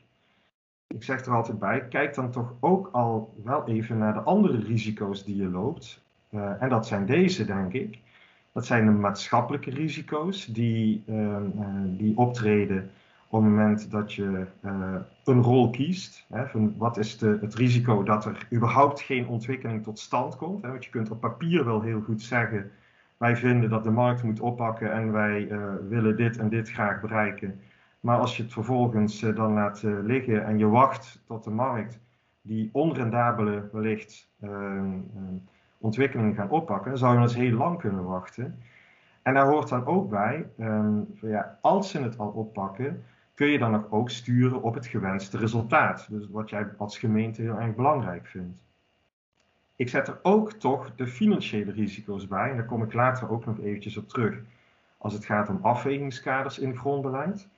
Want ik ben ervan overtuigd dat bij die maatschappelijke risico's dus ook financiële risico's horen. Maar niet natuurlijk in de grondexploitatie, maar indirect op lange termijn. Denk aan de leefbaarheid. Het, kwam al een paar keer aan bod uh, vandaag. op het moment dat leefbaarheid in wijken steeds verder achteruit rolt, dan heeft dat onherroepelijk ook financiële gevolgen voor de gemeentebegroting. Dus op het moment dat we die problemen ja, laten liggen, dan heeft ook dat financiële gevolgen voor ons als gemeente. Gaan we dan kijken naar dat grondbeleid. En welke doelen zou je dan eigenlijk aan het grondbeleid willen koppelen? Dan heb ik er vier op een rij gezet. Allereerst, um, grondbeleid zou eigenlijk een bijdrage moeten leveren aan, uh, aan dit punt. Dat, dat je de inzet van publieke middelen, hè, dus de euro's die je besteedt als, uh, als gemeente bij een locatieontwikkeling, dat je dat ook zo doelmatig mogelijk uh, doet. Oftewel, iedere euro levert dan het hoogste gewenste resultaat op. Tweede doel, um, ontwikkel dat beleid nou ook zo dat je uh, aan partners in je ontwikkeling de juiste vragen vooraf kan stellen. Ja, dat is immers een van de meest gehoorde kritiekpunten die gemeenten krijgen van onze ontwikkelende partners. Dat we aan de voorkant heel snel maar aan de slag willen met een ontwikkeling. En dan gaande de rit met een stapeling van extra vragen komen. En dat zorgt iedere keer voor die, voor die vertraging. Um, dus heel veel, uh, ook, daar, ook vanuit de kant van de, van de ontwikkelende partijen, echt die behoefte om aan de voorkant nou eens duidelijk te zijn over wat wil je nu uh, als gemeente? Wat wil je bereiken en waar kunnen we dan over meedenken hoe we die doelen het beste kunnen bereiken? Derde doel komt eigenlijk voort uit wat ik net vertelde, die financiële risico's. Maak nou een goede afweging tussen de financiële risico's bij een bepaalde ontwikkeling, maar ook risico's als je de ontwikkeling niet oppakt. Want daar hebben we het dan zo weinig over. We kijken alleen maar naar die financiële risico's als we wel dan ontwikkeling gaan oppakken, zeker als gemeente zelf, hè, actief. Maar de risico's uh, die er zijn als we, uh, als we het niet doen, ja, die nemen we eigenlijk heel vaak niet mee in die afweging. En uh, waar ik ook een oproep voor zou willen doen, is zorg nou eens dat dat grondbeleid op wat langere termijn gaat uh, richten. En niet iedere keer met die, met die economische conjunctuurbeweging mee gaat bewegen. Want ja, uh, heel apart was dat, dat je ziet dat we als overheid graag willen, zeker in, in een crisistijd, dat we anticyclisch handelen. Maar als je naar die, naar die sheet kijkt van, van hoe ging die economische conjunctuur en welke, welke rolkeuze wordt dan gedaan, dan, dan doen we eigenlijk het tegenovergestelde. We handelen ontzettend cyclisch. Nou, dit is denk ik nodig om, om in ieder geval ook via het grondbeleid meer nadruk te leggen op die maatschappelijke behoeften bij de gemeente. En dat doen we dan via te maken keuzes in de gebiedsontwikkeling en voor de rol die we dan als gemeente uh, innemen in de uitvoering van het grondbeleid. Nou, dan nog iets wat ik zeker ook de, die financiële behandeling van, van onze gebiedsontwikkeling. Het kwam net in de vorige vragen ook een paar keer aan bod. Um, ik heb dit altijd een hele bijzondere gevonden. Het verschil in leidend principe, eh, noem ik dat. Um, pak eerst een, een, verkeersrotonde voor, maar hier kun je uh, ieder ander investeringsproject bij de gemeente wel voor, uh, voor nemen. Um, hier, is, hier is heel vaak de vraag, nou, als we zo'n rotonde zouden willen aanleggen, welk probleem lossen we dan op als gemeente en hebben we de investering uh, daarin ervoor over. Hè? Dus hebben we het geld ervoor over om dit voor elkaar te krijgen. Terwijl dus bij die uh, gebiedsontwikkelingen nog heel vaak dit het geval is, is er sprake van een sluitende grondexploitatie. En als dat niet het geval is, ja, dan moeten we weer terug naar de tekentafel om te kijken of we toch nog kunnen kijken dat er een, sluitende exploitatie uit voortkomt ik heb het altijd wel heel bijzonder gevonden dat we, dat we zo verschillend naar die situaties kijken. Vooral ook omdat ik denk van ja, die, dat plaatje rechts, je ziet het al in het plaatje. Dat is gewoon een verzameling van een hele hoop investeringsprojecten bij elkaar. Um, en dat je daar toevallig ook nog een opbrengstenkant hebt aan de begroting in de vorm van de uitgifte van gronden, dat is mooi meegenomen. Maar waarom uh, leidt dat dan heel vaak ook tot een volledig ander uh, uitgangspunt? Nou, in ieder geval iets om over na te denken, denk ik. Zullen we kijken naar wat zouden dan uh, wellicht in een modern grondbeleid uh, de kernpunten kunnen zijn, dan kom ik tot dit plaatje. En dat sluit ook heel erg aan bij het verhaal wat Antoinette net uh, gaf over het uitgangspunt, wat we, iedere, wat we altijd voor ogen moeten blijven houden. En het uitgangspunt, dat zijn die, die maatschappelijke waarden. Wat willen we nou eigenlijk bereiken? En dat is voor mij ook stap 1 in de aanvliegroute van ieder grondbeleid. Benader die gebiedsontwikkeling echt vanuit de aanleiding van een ontwikkeling. Wat, is de aanleiding? Is dat een groeibehoefte? Je wil meer van iets hebben, uh, meer woningen, um, meer uh, zonnevelden, meer werkgelegenheid. Dus ik heb bedrijventrein nodig. Um, of is dat het oplossen van een, een huidig ongewenste situatie? Hè? Toch die leefbaarheid die in een wijk maar achteruit blijft hollen en waar je wil ingrijpen. Dus wat is nou de aanleiding van die ontwikkeling? Want als je dat weet, dan kun je vervolgens ook gaan nadenken over uh, wat wil je dan veranderen? Welke impact wil ik veroorzaken met elkaar?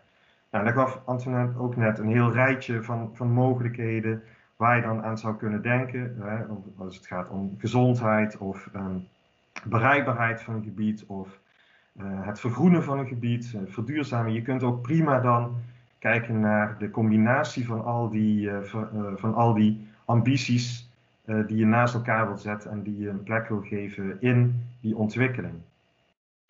En dan vervolgens de afwegingen die je maakt in het grondbeleid. De keuzes die je moet maken, die je ook de raad moet laten nemen. En die keuzes die hebben te maken met ja, hoe ga ik een gebied dan ontwikkelen? Hè? Wat, wat komt daar en, en wat, wat zijn daar de financiële consequenties van? En de keuze over wel, welke rol neem ik daarin als gemeente? Nou, dat zijn dan die twee afwegingen die je moet maken. En dan pleit ik voor een integrale afweging, uh, waarbij je en die, die integrale um, sectorale doelen naast elkaar zet. Dus we, zijn nou zo gewend om te gaan iedere keer in de gemeente voor, voor hoge sectorale uh, doelen. En we willen uh, heel hoog scoren in de duurzaamheid, hoog scoren in, in, in een groene beleving en de gezondheid. Maar zet die naast elkaar en dan zie je ook heel goed uh, waar dat mogelijk strijdig uh, kan zijn uh, ten opzichte van elkaar. En dan kun je met elkaar zoeken naar de optimale combinatie van al die sectorale doelen.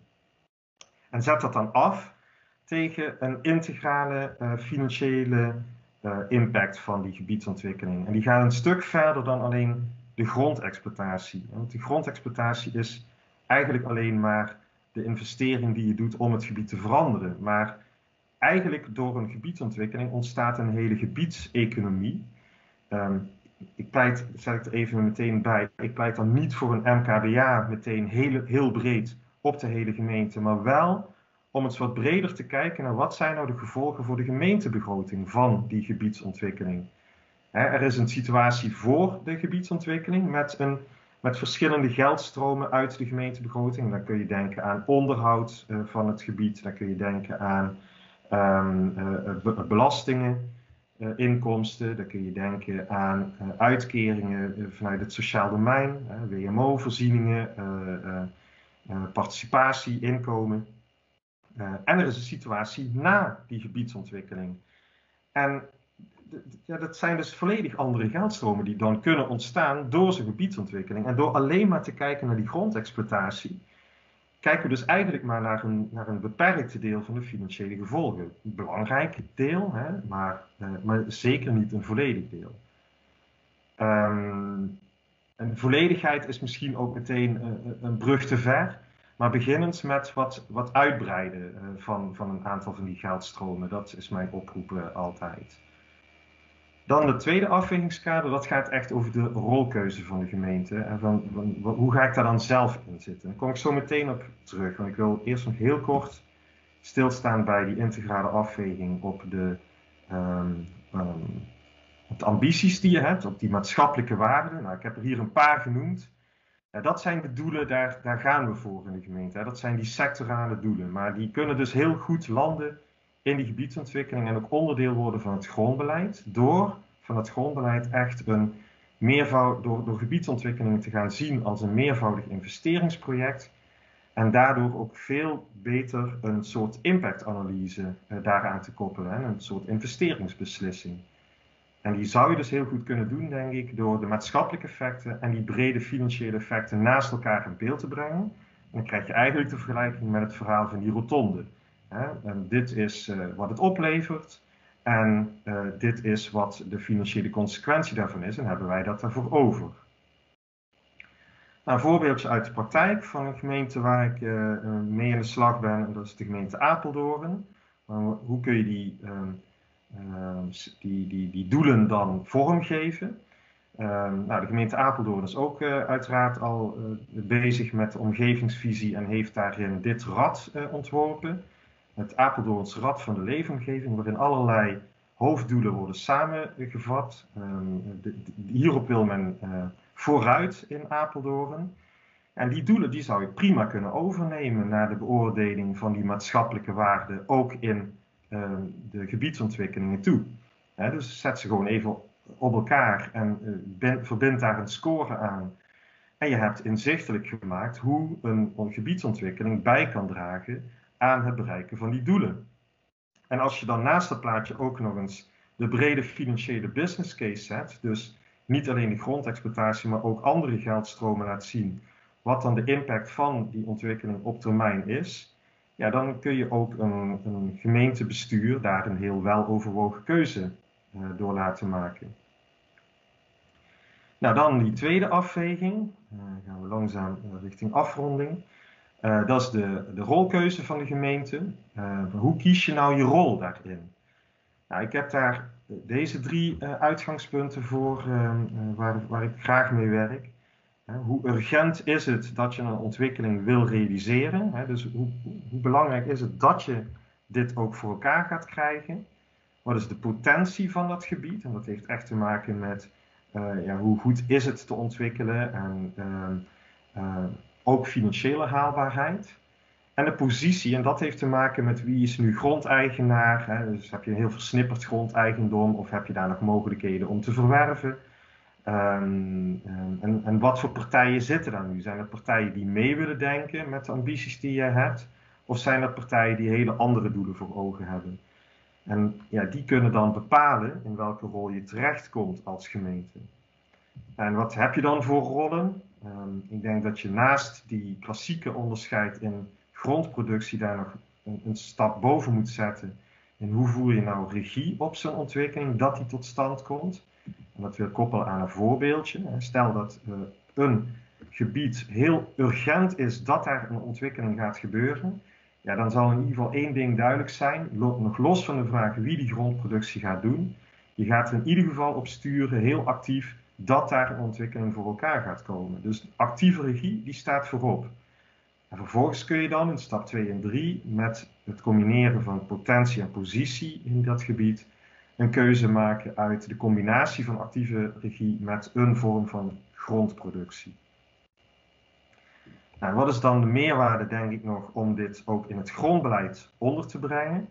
Ja, dat is eigenlijk een beetje terugkoppelen naar de verhalen van Antoinette en Taco. En Taco die had het heel erg al over ja, wat, wat kun je bereiken en, en, en daar voorbeelden van noemen. En dan, dan zie je ook dat, dat dat zijn verhalen die terugkomen in, in de grote visies die we hebben als gemeente. Hè. De, de omgevingsvisie die we nu aan het maken zijn, toekomstvisies die we beschrijven, waar we over 10, 20, 30 jaar uh, willen staan als gemeente. Daar worden die maatschappelijke waarden in beschreven.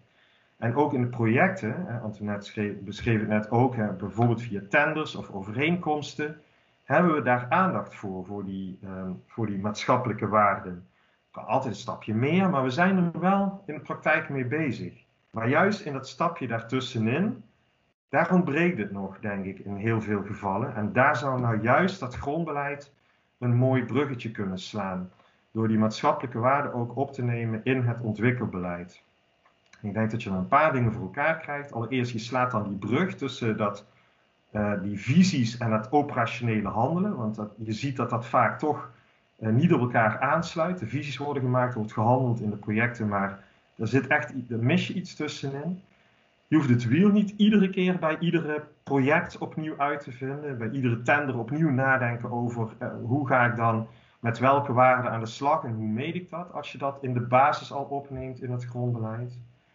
En um, je kunt op het beleidsniveau van het grondbeleid, of dat ontwikkelbeleid, kun je al voor de verbindende uh, factor zorgen tussen allerlei sectorale beleidsdoelen. Uh, waarbij je dus echt kunt nastreven, we gaan niet allemaal voor een 10, want dat gaat niet lukken. maar we streven wel naar de optimale combinatie van die sectorale beleidsdoelen. En daar wil ik het bij houden, Maarten. Ja, Guido, dankjewel. Ja, de, zorg er dus voor dat je ze goed uh, inzichtelijk uh, maakt, al die verschillende belangen die er zijn. Hè? En ook ehm, ja, maak ze ook in, inzichtelijk en zie ook wat de, de impact daarop is. Ja, probeer ze ook op goede manieren te combineren. Ik denk mooie, ja, mooie manieren hoe je aan de ene kant het, de, de maatschappelijke waarden de, erbij betrekt en ook naar de, um, het grondbeleid zelf kijkt. Uh, dankjewel voor deze, uh, deze, deze toelichting uh, hierbij. Um, ja, we hebben gevraagd of we drie verschillende mensen hierop willen reageren. Vanuit ook een aantal verschillende perspectieven. vanuit de gemeente, vanuit een ontwikkelaar, vanuit een conceptontwikkeling. Om ja, ons ook eens. De, wat, wat, wat, kun je hier nou mee vanuit jouw organisatie? En wat valt ook op? En welke stappen moeten we hier ook nog in nemen? Als allereerste wil ik graag het woord geven aan uh, Matthijs Greurs. Hij is uh, bij de gemeente Utrecht uh, manager van de ontwikkelorganisatie Ruimte. Als ik dat op deze manier goed zeg, Matthijs. Klopt, klopt helemaal. Ja. wat, wat viel jou zoal op vanmiddag? Uh, nou, in ieder geval heel veel herkenning. Het is natuurlijk ondoenlijk om uh, 100 slides uh, in een paar minuten daarop te reflecteren. Maar ik heb natuurlijk met Guido hier wel eens eerder over gesproken. En ook met Rebel heb ik hier in het verleden al over deze onderwerpen vaak gesproken. En ehm, ja, wat ik, kijk, maatschappelijke waarde is denk ik een enorm containerbegrip. En dat is tegelijkertijd denk ik ook de enorme uitdaging, ook vanuit de gemeentes, wat we hiermee hebben. Want ik denk dat we bij de gemeente zitten we natuurlijk toch in een rol waarin we ook, waar het gaat om integrale afwegingen. Ik denk natuurlijk de maatschappelijke waarde symboliseert eigenlijk natuurlijk ook een soort. Eén keer per jaar wordt een uh, raad en een college aangesteld. En die moeten daar natuurlijk uh, integrale en maatschappelijke afwegingen in maken wat er voor nodig is. En ik denk dat wij als adviseurs van het college en de raad eigenlijk vooral een rol hebben. In, ik noem het altijd om feitelijke beslisinformatie aan raad en college te presenteren. En dat gaat natuurlijk ook om maatschappelijke waarden. En ik vind dat leuk om dat vanuit een aantal perspectieven vanuit de gemeente even kort te schetsen. Want ik denk dat dat uh, nou, ook belangrijk is. En de eerste is, ik denk dat het perspectief van uh, de achtergrond en de expertise van iemand is heel erg belangrijk. Ik merk het al simpelweg in mijn eigen team. Ik nam drie jaar geleden mocht ik het, de afdeling grondzaken transformeren naar het team investeren en exporteren. nou, waar we even vanuit voorheen natuurlijk heel erg van het financieel rendement, Guido benoemde het al onder andere, ook nu worden wij steeds meer uitgedaagd om naar maatschappelijk rendement te kijken. En je merkt alleen al simpelweg in je eigen team. Een planeconoom die kijkt naar zijn Excel en die wil het liefst de sheet rondrekenen. Uh, ik ben zelf algemeen econoom van huis uit. Ik heb jaren bijvoorbeeld bij Financiën bij het ministerie gezeten. Ik ben opgevoed met de wereld van de MKBA's. En je merkt dat het ontzettend belangrijk is uh, dat je ook elkaars taal uh, leert spreken om deze discussies goed te kunnen voeren. Dus ik denk verdiepen in mekaars uh, achtergrond, kennis en expertise. Wil je in discussie met maatschappelijke waarden verder komen, is denk ik cruciaal. Ik merk het al in mijn eigen team. Het tweede perspectief wat ik nog leuk vind om mee te geven is met name ook de uh, schaal waarover je spreekt. Want ik denk dat dat ook cruciaal is uh, als je over maatschappelijke waarden hebt. Kijk, we zijn in Utrecht nu bezig met de ruimtelijke strategie het actualiseren. Dat is een vergezicht naar 2040 toe. Dat gaat erg over de, onder andere de discussies, moeten we verdichten of moeten we uitleggen dat gaat daarmee eigenlijk ook over. Uh, Antoinette had het al ook onder andere kort over, over het advies van, de, van het college van Rijksadviseurs over de verstedelijkingsambities. We proberen dat natuurlijk te laden, dat begrip maatschappelijke waarde, uh, om daar ook een goede verstedelijkingsvisie achter kunnen te leggen. Maar het gaat natuurlijk om een vergezicht. Dat is een heel ander vraagstuk als je het over maatschappelijke waarde hebt, als je bijvoorbeeld over een concreet project hebt. Uh, wanneer accepteren we nou eigenlijk een verlieslatende greks? Uh, welke, welke maatschappelijke rendement staat dat er tegenover? Dat is onder andere wat Guido uh, ook, schetste. Dus ik denk dat het ontzettend belangrijk is dat je bij dit vraagstuk ook over kijkt. Wat is dan precies het vraagstuk? Welke schaal hebben we het over? Hebben we het over een stedelijk vraagstuk of hebben we het over een projectniveau? Dus dat herken ik ook heel erg intern. En misschien als derde, is ook wel heel belangrijk, is ook wel nodig over gezegd, is je merkt ook wel dat de panelen toch ook wel aan het verschuiven zijn uh, bij overheden. Uh, ook bij het Rijk, Antoinette heeft daar denk ik ook nodig over gezegd. Uh, je merkt toch de grotere aandacht voor de maatschappelijke opgaves. Nou, je ziet het letterlijk concreet in de miljoenennota van het Rijk terug. Uh, je ziet het in de woningbouwimpuls terug. Dat suggereert dat het alleen over woningbouw gaat, maar dat gaat natuurlijk ook over de kwaliteit van de leefomgeving. Het gaat ook over de randvoorwaarden voor infrastructuur. Dus ook aanvragen, proposities die die verbinding met dat soort thema's leggen, uh, die kun je daar ook in meenemen. Um, En je ziet het ook bijvoorbeeld in de studiegroep Alternatieve Bekosting, waar Utrecht zelf ook lid in was in die betreffende studiegroep. Dat we heel erg aan het nadenken zijn, hoe kun je nou andere instrumenten, andere aangrijpingspunten bedenken die ook bij die verbreding van die maatschappelijke opgaves passen. En nou, we zijn er heel concreet op dit moment ook in de, in de RSU, in onze ruimtelijke strategie. En we stellen daar tegelijkertijd ook weer een investeringsstrategie weer op. Zijn we met name naar instrumenten aan het kijken die daar uh, bij dat bredere maatschappelijke begrip bij ook aansluiten. En dan heb je het onder andere natuurlijk over de baathebbers betalen mee. Nou, je kunt dan bijvoorbeeld denken aan cordonheffing. Uh, je kunt denken aan een parkeerinkomstentarieven. Hoe kun je nou dat soort instrumenten inzetten? Uh, ook om die bredere maatschappelijke baten als milieubelasting, uh, congestie, die niet direct in euro's wellicht te zijn uitdrukken, maar die kun je wellicht misschien toch in interessante instrumenten gieten, die ook erg aansluiten bij die bredere baatdiscussie. Um, en bijvoorbeeld ook de gekse en de erfpacht. We zijn natuurlijk ook steeds meer bezig om een ja, ik noem het altijd een betrouwbaar investeringsklimaat op te bouwen als gemeente Utrecht, waardoor je andere partijen vlijt mee te investeren. Ja, dat gaat ook, hoe kun je vanuit die bredere maatschappelijke discussies ook bepaalde waardeontwikkelingen, die, kun je die vasthouden in je gebiedsontwikkelingen, zodat je aan die marktpartijen ook laat zien, uh, nou, die groeiopgave in de stad, daar willen wij serieus oppakken.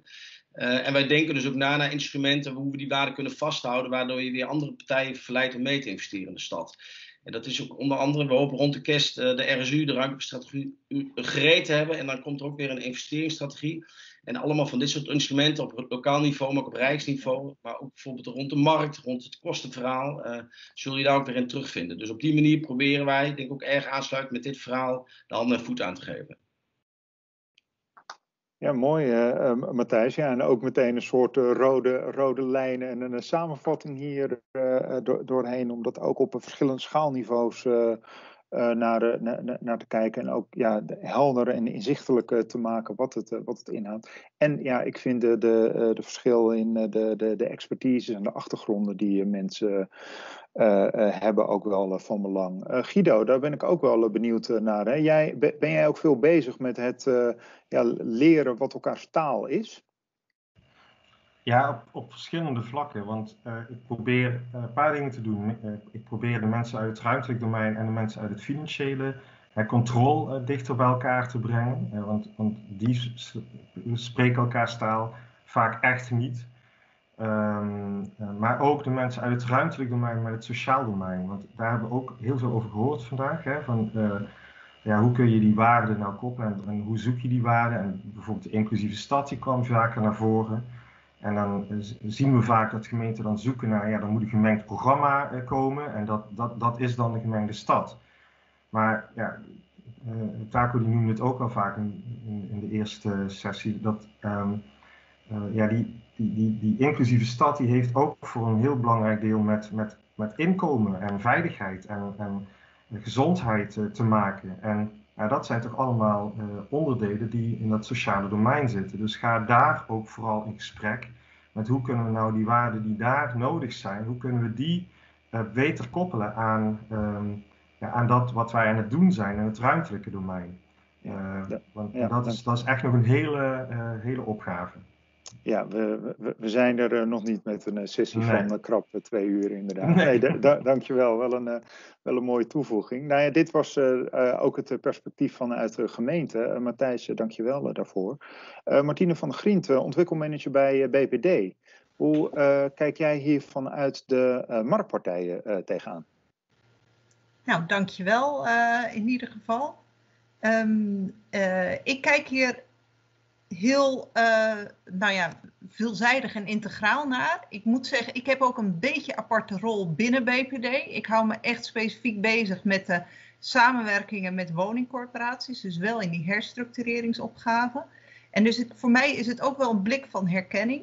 Maar zitten er ook wel een aantal opvallende uh, zaken in, in het hele verhaal wat ik voorbij heb zien komen. En ik denk dat het leuk is, wat, wat pik ik hier nou uit op en wat neem ik graag mee ook verder in mijn organisatie. Eén ehm, uh, ding, Taco die had het over Delft. Heb ik tien jaar gewoond. Dus één blik van herkenning. Je wel voor die uh, update. Dus dat is altijd leuk om dat te zien. Wat mij in zijn verhaal opviel, was met name um, dat hij zei van de mensen die de baten hebben bij die onderdoorgang van die ondertunneling.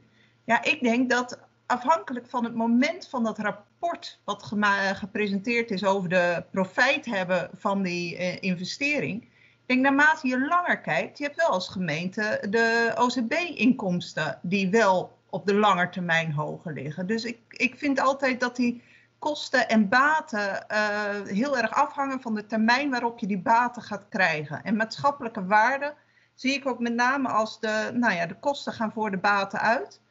En dat is ook een rol die wij als uh, marktpartij heel graag willen hebben, ook in uh, gebiedsontwikkeling. Ja, durf daarin ook langetermijn commitment te vragen van een marktpartij. En niet elke marktpartij kan dat. En daarmee uh, kunnen wij ons ook committeren aan die maatschappelijke doelen. Daarbij had ik ook nog, um, wat ik heel mooi vond van Antoinette, maar ook deels van Taco. Um, prioritering, ja graag. En maak keuzes. En um, de, alles willen leidt tot niets. Dat vond ik wel een hele mooie uitspraak van, van Taco. En uh, wat Guido inbracht, uh, met name van stuur op kwaliteit. En dat is meer ook een persoonlijk ding, van durf die ook centraal te stellen en dan heeft iedereen er profijt van. Um, Eén uitdaging denk ik bij gemeentes in onze samenwerking, ook in gebiedsontwikkelingen. Um, goed opdrachtgeverschap van gemeentes, weet je, in de uitdagingen, in tenders, dat ook echt durf daarin ook realistisch te zijn dat, dat neem ik ook graag mee. En ook wij, wij moeten daarin vertrouwen meegeven richting gemeente van hoe zit nou onze business case in elkaar. En ik vond de term integraal in plaats van sectoraal. En dat denk ik dat dat eigenlijk voor alle partijen in gebiedsontwikkeling geldt. Durf ook integraal te kijken en de oplossing ook op de schaal. Dus niet project, maar gebied. En ook uh, de termijn. Dus niet binnen een vierjaarstermijn, maar gebiedsontwikkeling gaat over meestal 15 jaar. En ja, dat moet iedereen zich aan durven committeren. Dat is even in het kort mijn reflectie op het geheel wat ik heb gehoord en wat ik meeneem. Martine, da dankjewel. Ja, dus ook die, die lange termijn als, als overheid vraag uh, kan je zeker wat vragen van uh, ontwikkelende partijen, maar geef daarbij ook zekerheid en zorg ook dat je op een goede manier met elkaar, met elkaar samenwerkt. Ja, ja. de, de, dankjewel daarvoor voor deze reflectie. We schieten iets door vijf uur heen. Ik hoop dat u nog even bij ons blijft, want last but not least, Anja Winters, die ja, vanuit de conceptontwikkelingen ook bij veel verschillende projecten, zowel vanuit marktpartijen als vanuit overheidspartijen erbij betrokken is. En die ja, de, de, de mens hierbij wat meer centraal wil stellen, die ook met deze ontwikkelingen bezig is. Anja, wat is jou opgevallen? Ja, dank je. Ja, dat heb ik mezelf een beetje als missie opgelegd al bij mijn studie geografie. En toch is de mens uh, over het algemeen een beetje het ondergeschoven kindje. Nou, gelukkig hoorde ik uh, van een aantal sprekers vandaag een aantal belangrijke woorden die, die mij even verrusten dat daar aan gedacht wordt op alle verschillende disciplines. Um, even terug naar, naar de gebiedsontwikkeling. Iedereen die hier meeluistert, die weet dat het omvangrijk en langjarig is en dat de rollen verschuiven. Steeds minder ook de, gemeente of de provincie die, die in de lead is. Steeds meer plekken zijn eigendom van de private partijen. Dus ik denk ook dat we goed met elkaar moeten kijken hoe kunnen we in die nieuwe verhouding van partijen uh, mekaars belangen vinden en zoeken naar het gezamenlijke belang op die hele lange termijn, die inderdaad 10, 15 jaar vooruit ligt. Um, ik hoorde Antoinette eh, praten over levensgeluk. Um, nou, volgens mij zegt de Wereld, Wereldgezondheidsorganisatie daar ook van: geluk is dat je zelf keuzes kunt maken. En als we het hebben over die mensen, dan gaat het erom dat zij de keuzes kunnen maken die zij op dat moment belangrijk vinden. En dat moment ligt nog heel ver weg. Um, wij zijn zo overgeprogrammeerd in Nederland en wij zijn zo professioneel met z'n allen dat in voorzieningen wordt wel voorzien. Uh, maar juist die onverwachte hele kleine prikkels in gebiedsontwikkelingen, die, uh, gevoel van trots en eigenaarschap bij de mensen die daar straks wonen en leven kunnen oproepen, uh, wil ik een pleidooi houden om daar uh, ruimte voor te laten. Dus nu al nadenken ehm, over waarom we dingen doen, de doelen stellen, eh, willen allemaal een wijkgevoel creëren, of een bijgevoel kunnen we misschien beter zeggen. Maar hoe dat precies gaat, laat dat los. Uh, ik merk ook door het luisteren naar alle verhalen, en ik ga nu niet op de sprekers zelf terugreflecteren, want dat is denk ik al genoeg gedaan, maar ook een beetje een oproep. Laten we proberen ruimte te laten in plaats van ruimte te maken. En dat betekent voor de tekenaars onder ons, even onderbiedig gezegd, van uh, leg die, die, fysieke verbindingen en zorg inderdaad dat mensen ontmoeten. Ook heel mooi dat jij dat aangaf, Taco. Uh, ontmoeten is één, maar daarna ook dingen met elkaar ondernemen. Betekent dat je ook weer voor knooppunten op die ontmoetingsroutes moet zoeken. Teken ze uit, maar laat dan ook weer los. En heb ook een beetje vertrouwen dat de mensen dat zelf wel oppakken. Want als ze het zelf oppakken, krijgt het ook meer waarde. Daar geloof ik oprecht in en heb ik ook mooie voorbeelden van gezien. Voor de rekenaar is eigenlijk hetzelfde. Uh, je hoeft er niks aan te verdienen. Het mag je best wel iets kosten, want uiteindelijk levert het zijn waarde wel op. Um, ik hoorde al wat voorbeelden, de hoge WOZ-waarde. Um, Guido, um, je zei het ook, we kijken veel te veel naar de gebiedsexploitatie, maar niet de gebiedseconomie. Waarom rekenen we dat soort baten al niet terug, terug naar nu? Uh, corporaties, ik zag ze niet in de Mentimeter, maar ze zijn ongetwijfeld aanwezig. Ja, ook zij altijd in het gebied vertegenwoordigd. Zij profiteren van de leefbaarheid, uh, minder leegstand, sterk sociale cohesie. Dat geldt sowieso voor beleggers in het gebied. Er zijn heel veel partijen die het doen. Uh, ik heb in mijn leven al heel wat van die waardemeters ingevuld om te kijken wie moeten er investeren om uiteindelijk de waarde eruit te halen.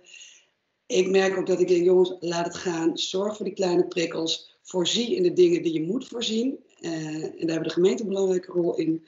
En laat de rest vooral los. Laat ruimte.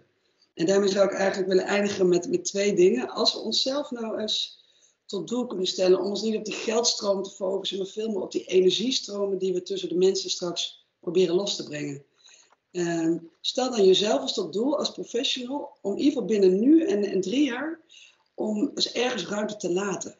Dus creëer plekken, creëer woningen die je leeglaat, creëer een, een, plekje in de wijk die je leeglaat. En laat het vooral de mensen zelf invullen. Dus laat het. Uh, en de tweede is, vroeger hadden we die mooie 1% kunstregeling. Ik weet niet eens of die nog bestaat, ik hoop het eigenlijk niet. Uh, maar als die al bestaat, doen we er bovenop zouden wij niet een soort 1% maatschappelijke waarderegeling kunnen verzinnen, waarbij wij zeggen 1% van alle vierkante meters in de wijk laten we onbenoemd nog. Of 1% van de investeringen die we doen, reserveren voor maatschappelijke waarde. En dan dus niet voor al die grote voorzieningen, want daar, zitten, daar doen we genoeg aan, denk ik. Gelukkig maar. Maar juist voor die onverwachte kleine prikkels die dat gevoel van trots en eigenaarschap oproepen. Dat zou ik nog mee willen. Da dankjewel Anja. Dus uh, we, we, moeten een aantal uh, dingen, uh, dingen laten en, en, en de ruimte ook juist laten in die gebieden. Waarbij je ook die, die 1% waarderegeling daar, daarbij noemt. Antoinette, jij hebt een aantal verschillende instrumenten benoemd. denk je dat dit ook nog wel een, een, een toevoeging is die werkbaar zou kunnen zijn? Nou, ik word er wel heel enthousiast van. Um, ik, ik, denk wel dat we nog steeds wel wat moeten doen. Hè? Dus dat ruimte laten is wel een op, oproep uh, in een marge natuurlijk van wat er moet gebeuren. Want ik denk wel dat er heel veel moet gebeuren. Maar inderdaad, uh, uh, het was ook een vraag van wat doen we met de bewoners of met de gebruikers. een gebied wordt pas echt succesvol door de mensen die er nu zijn en of die er komen. En dan moet je dus inderdaad niet alles voorkouwen. En wat mij ook heel erg trekt is, zorg nou voor de energiestromen. Want alle mensen die een bepaalde energie hebben om wat te doen in die wijk, dan komt het vanzelf wel goed. En, en, en dan gaat het om vertrouwen en mensenwerk en logisch nadenken en bevlogenheid. Dus dat zit niet helemaal in dat verhaal misschien wat ik uh, uh, uh, verteld heb, maar dat ligt er wel, wel onder. En ik heb bijna zoiets van, dat is bijna een, dat zou een aparte themasessie in zichzelf kunnen zijn. En ook hoe doe je dan participatie? En hoe doe je dan eigenlijk dat hele traject uh, met de omgeving? En hoe zorg je dat je daaruit ook de maatschappelijke waardes haalt en benut die, die je eigenlijk voor ogen hebt? Ja, de, de, uh, helder, dankjewel. Nou, daar uh, gaf je al een mooie referentie naar uh, een aparte themasessie die we erover zouden kunnen organiseren. Ik ben wel benieuwd naar de, de mensen die aanwezig zijn. En ja, een, een, deel van de mensen die dachten, die dachten al eigenlijk geheel terecht, het is vijf uur geweest, dus ik, ik moet wat anders doen.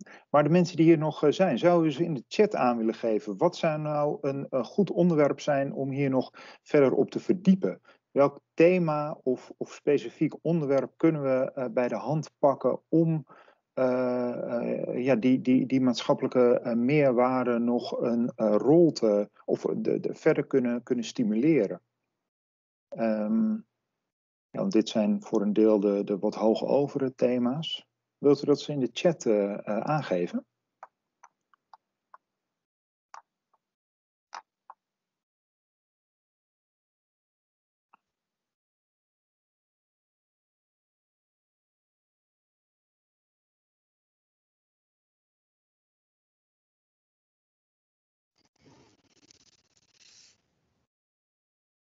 Dit zijn natuurlijk wat langere vragen waar ook wat extra tijd voor, voor, voor nodig is om dat te, te typen. In de, in de tussentijd ben ik wel even benieuwd, Taco, die eh, die 1% uh, eh, maatschappelijke waarderegeling die Anja aangaf. Ja, jij bent als stadsbouwmeester, als ik het goed heb, is de gemeenteraad jouw directe opdrachtgever. Zou die voor zoiets te porren zijn? Oh, ik zou het niet weten waarom niet eigenlijk. Ik, de, de, gemeenteraad is heel erg bezig om, te, om na te denken over hoe de sociale en de fysieke opgaven bij elkaar kunnen komen. Dus ik kan me best wel voorstellen dat, dat dit soort van eh, vragen naar voren komen. Eh, ik, ik, denk wat het lastigste is in Delft is dat, eh, dat de gemeente eigenlijk bijna geen grondpositie meer heeft. Dus dat, dat het dan afdwingen wordt dat een ander dat beschikbaar stelt.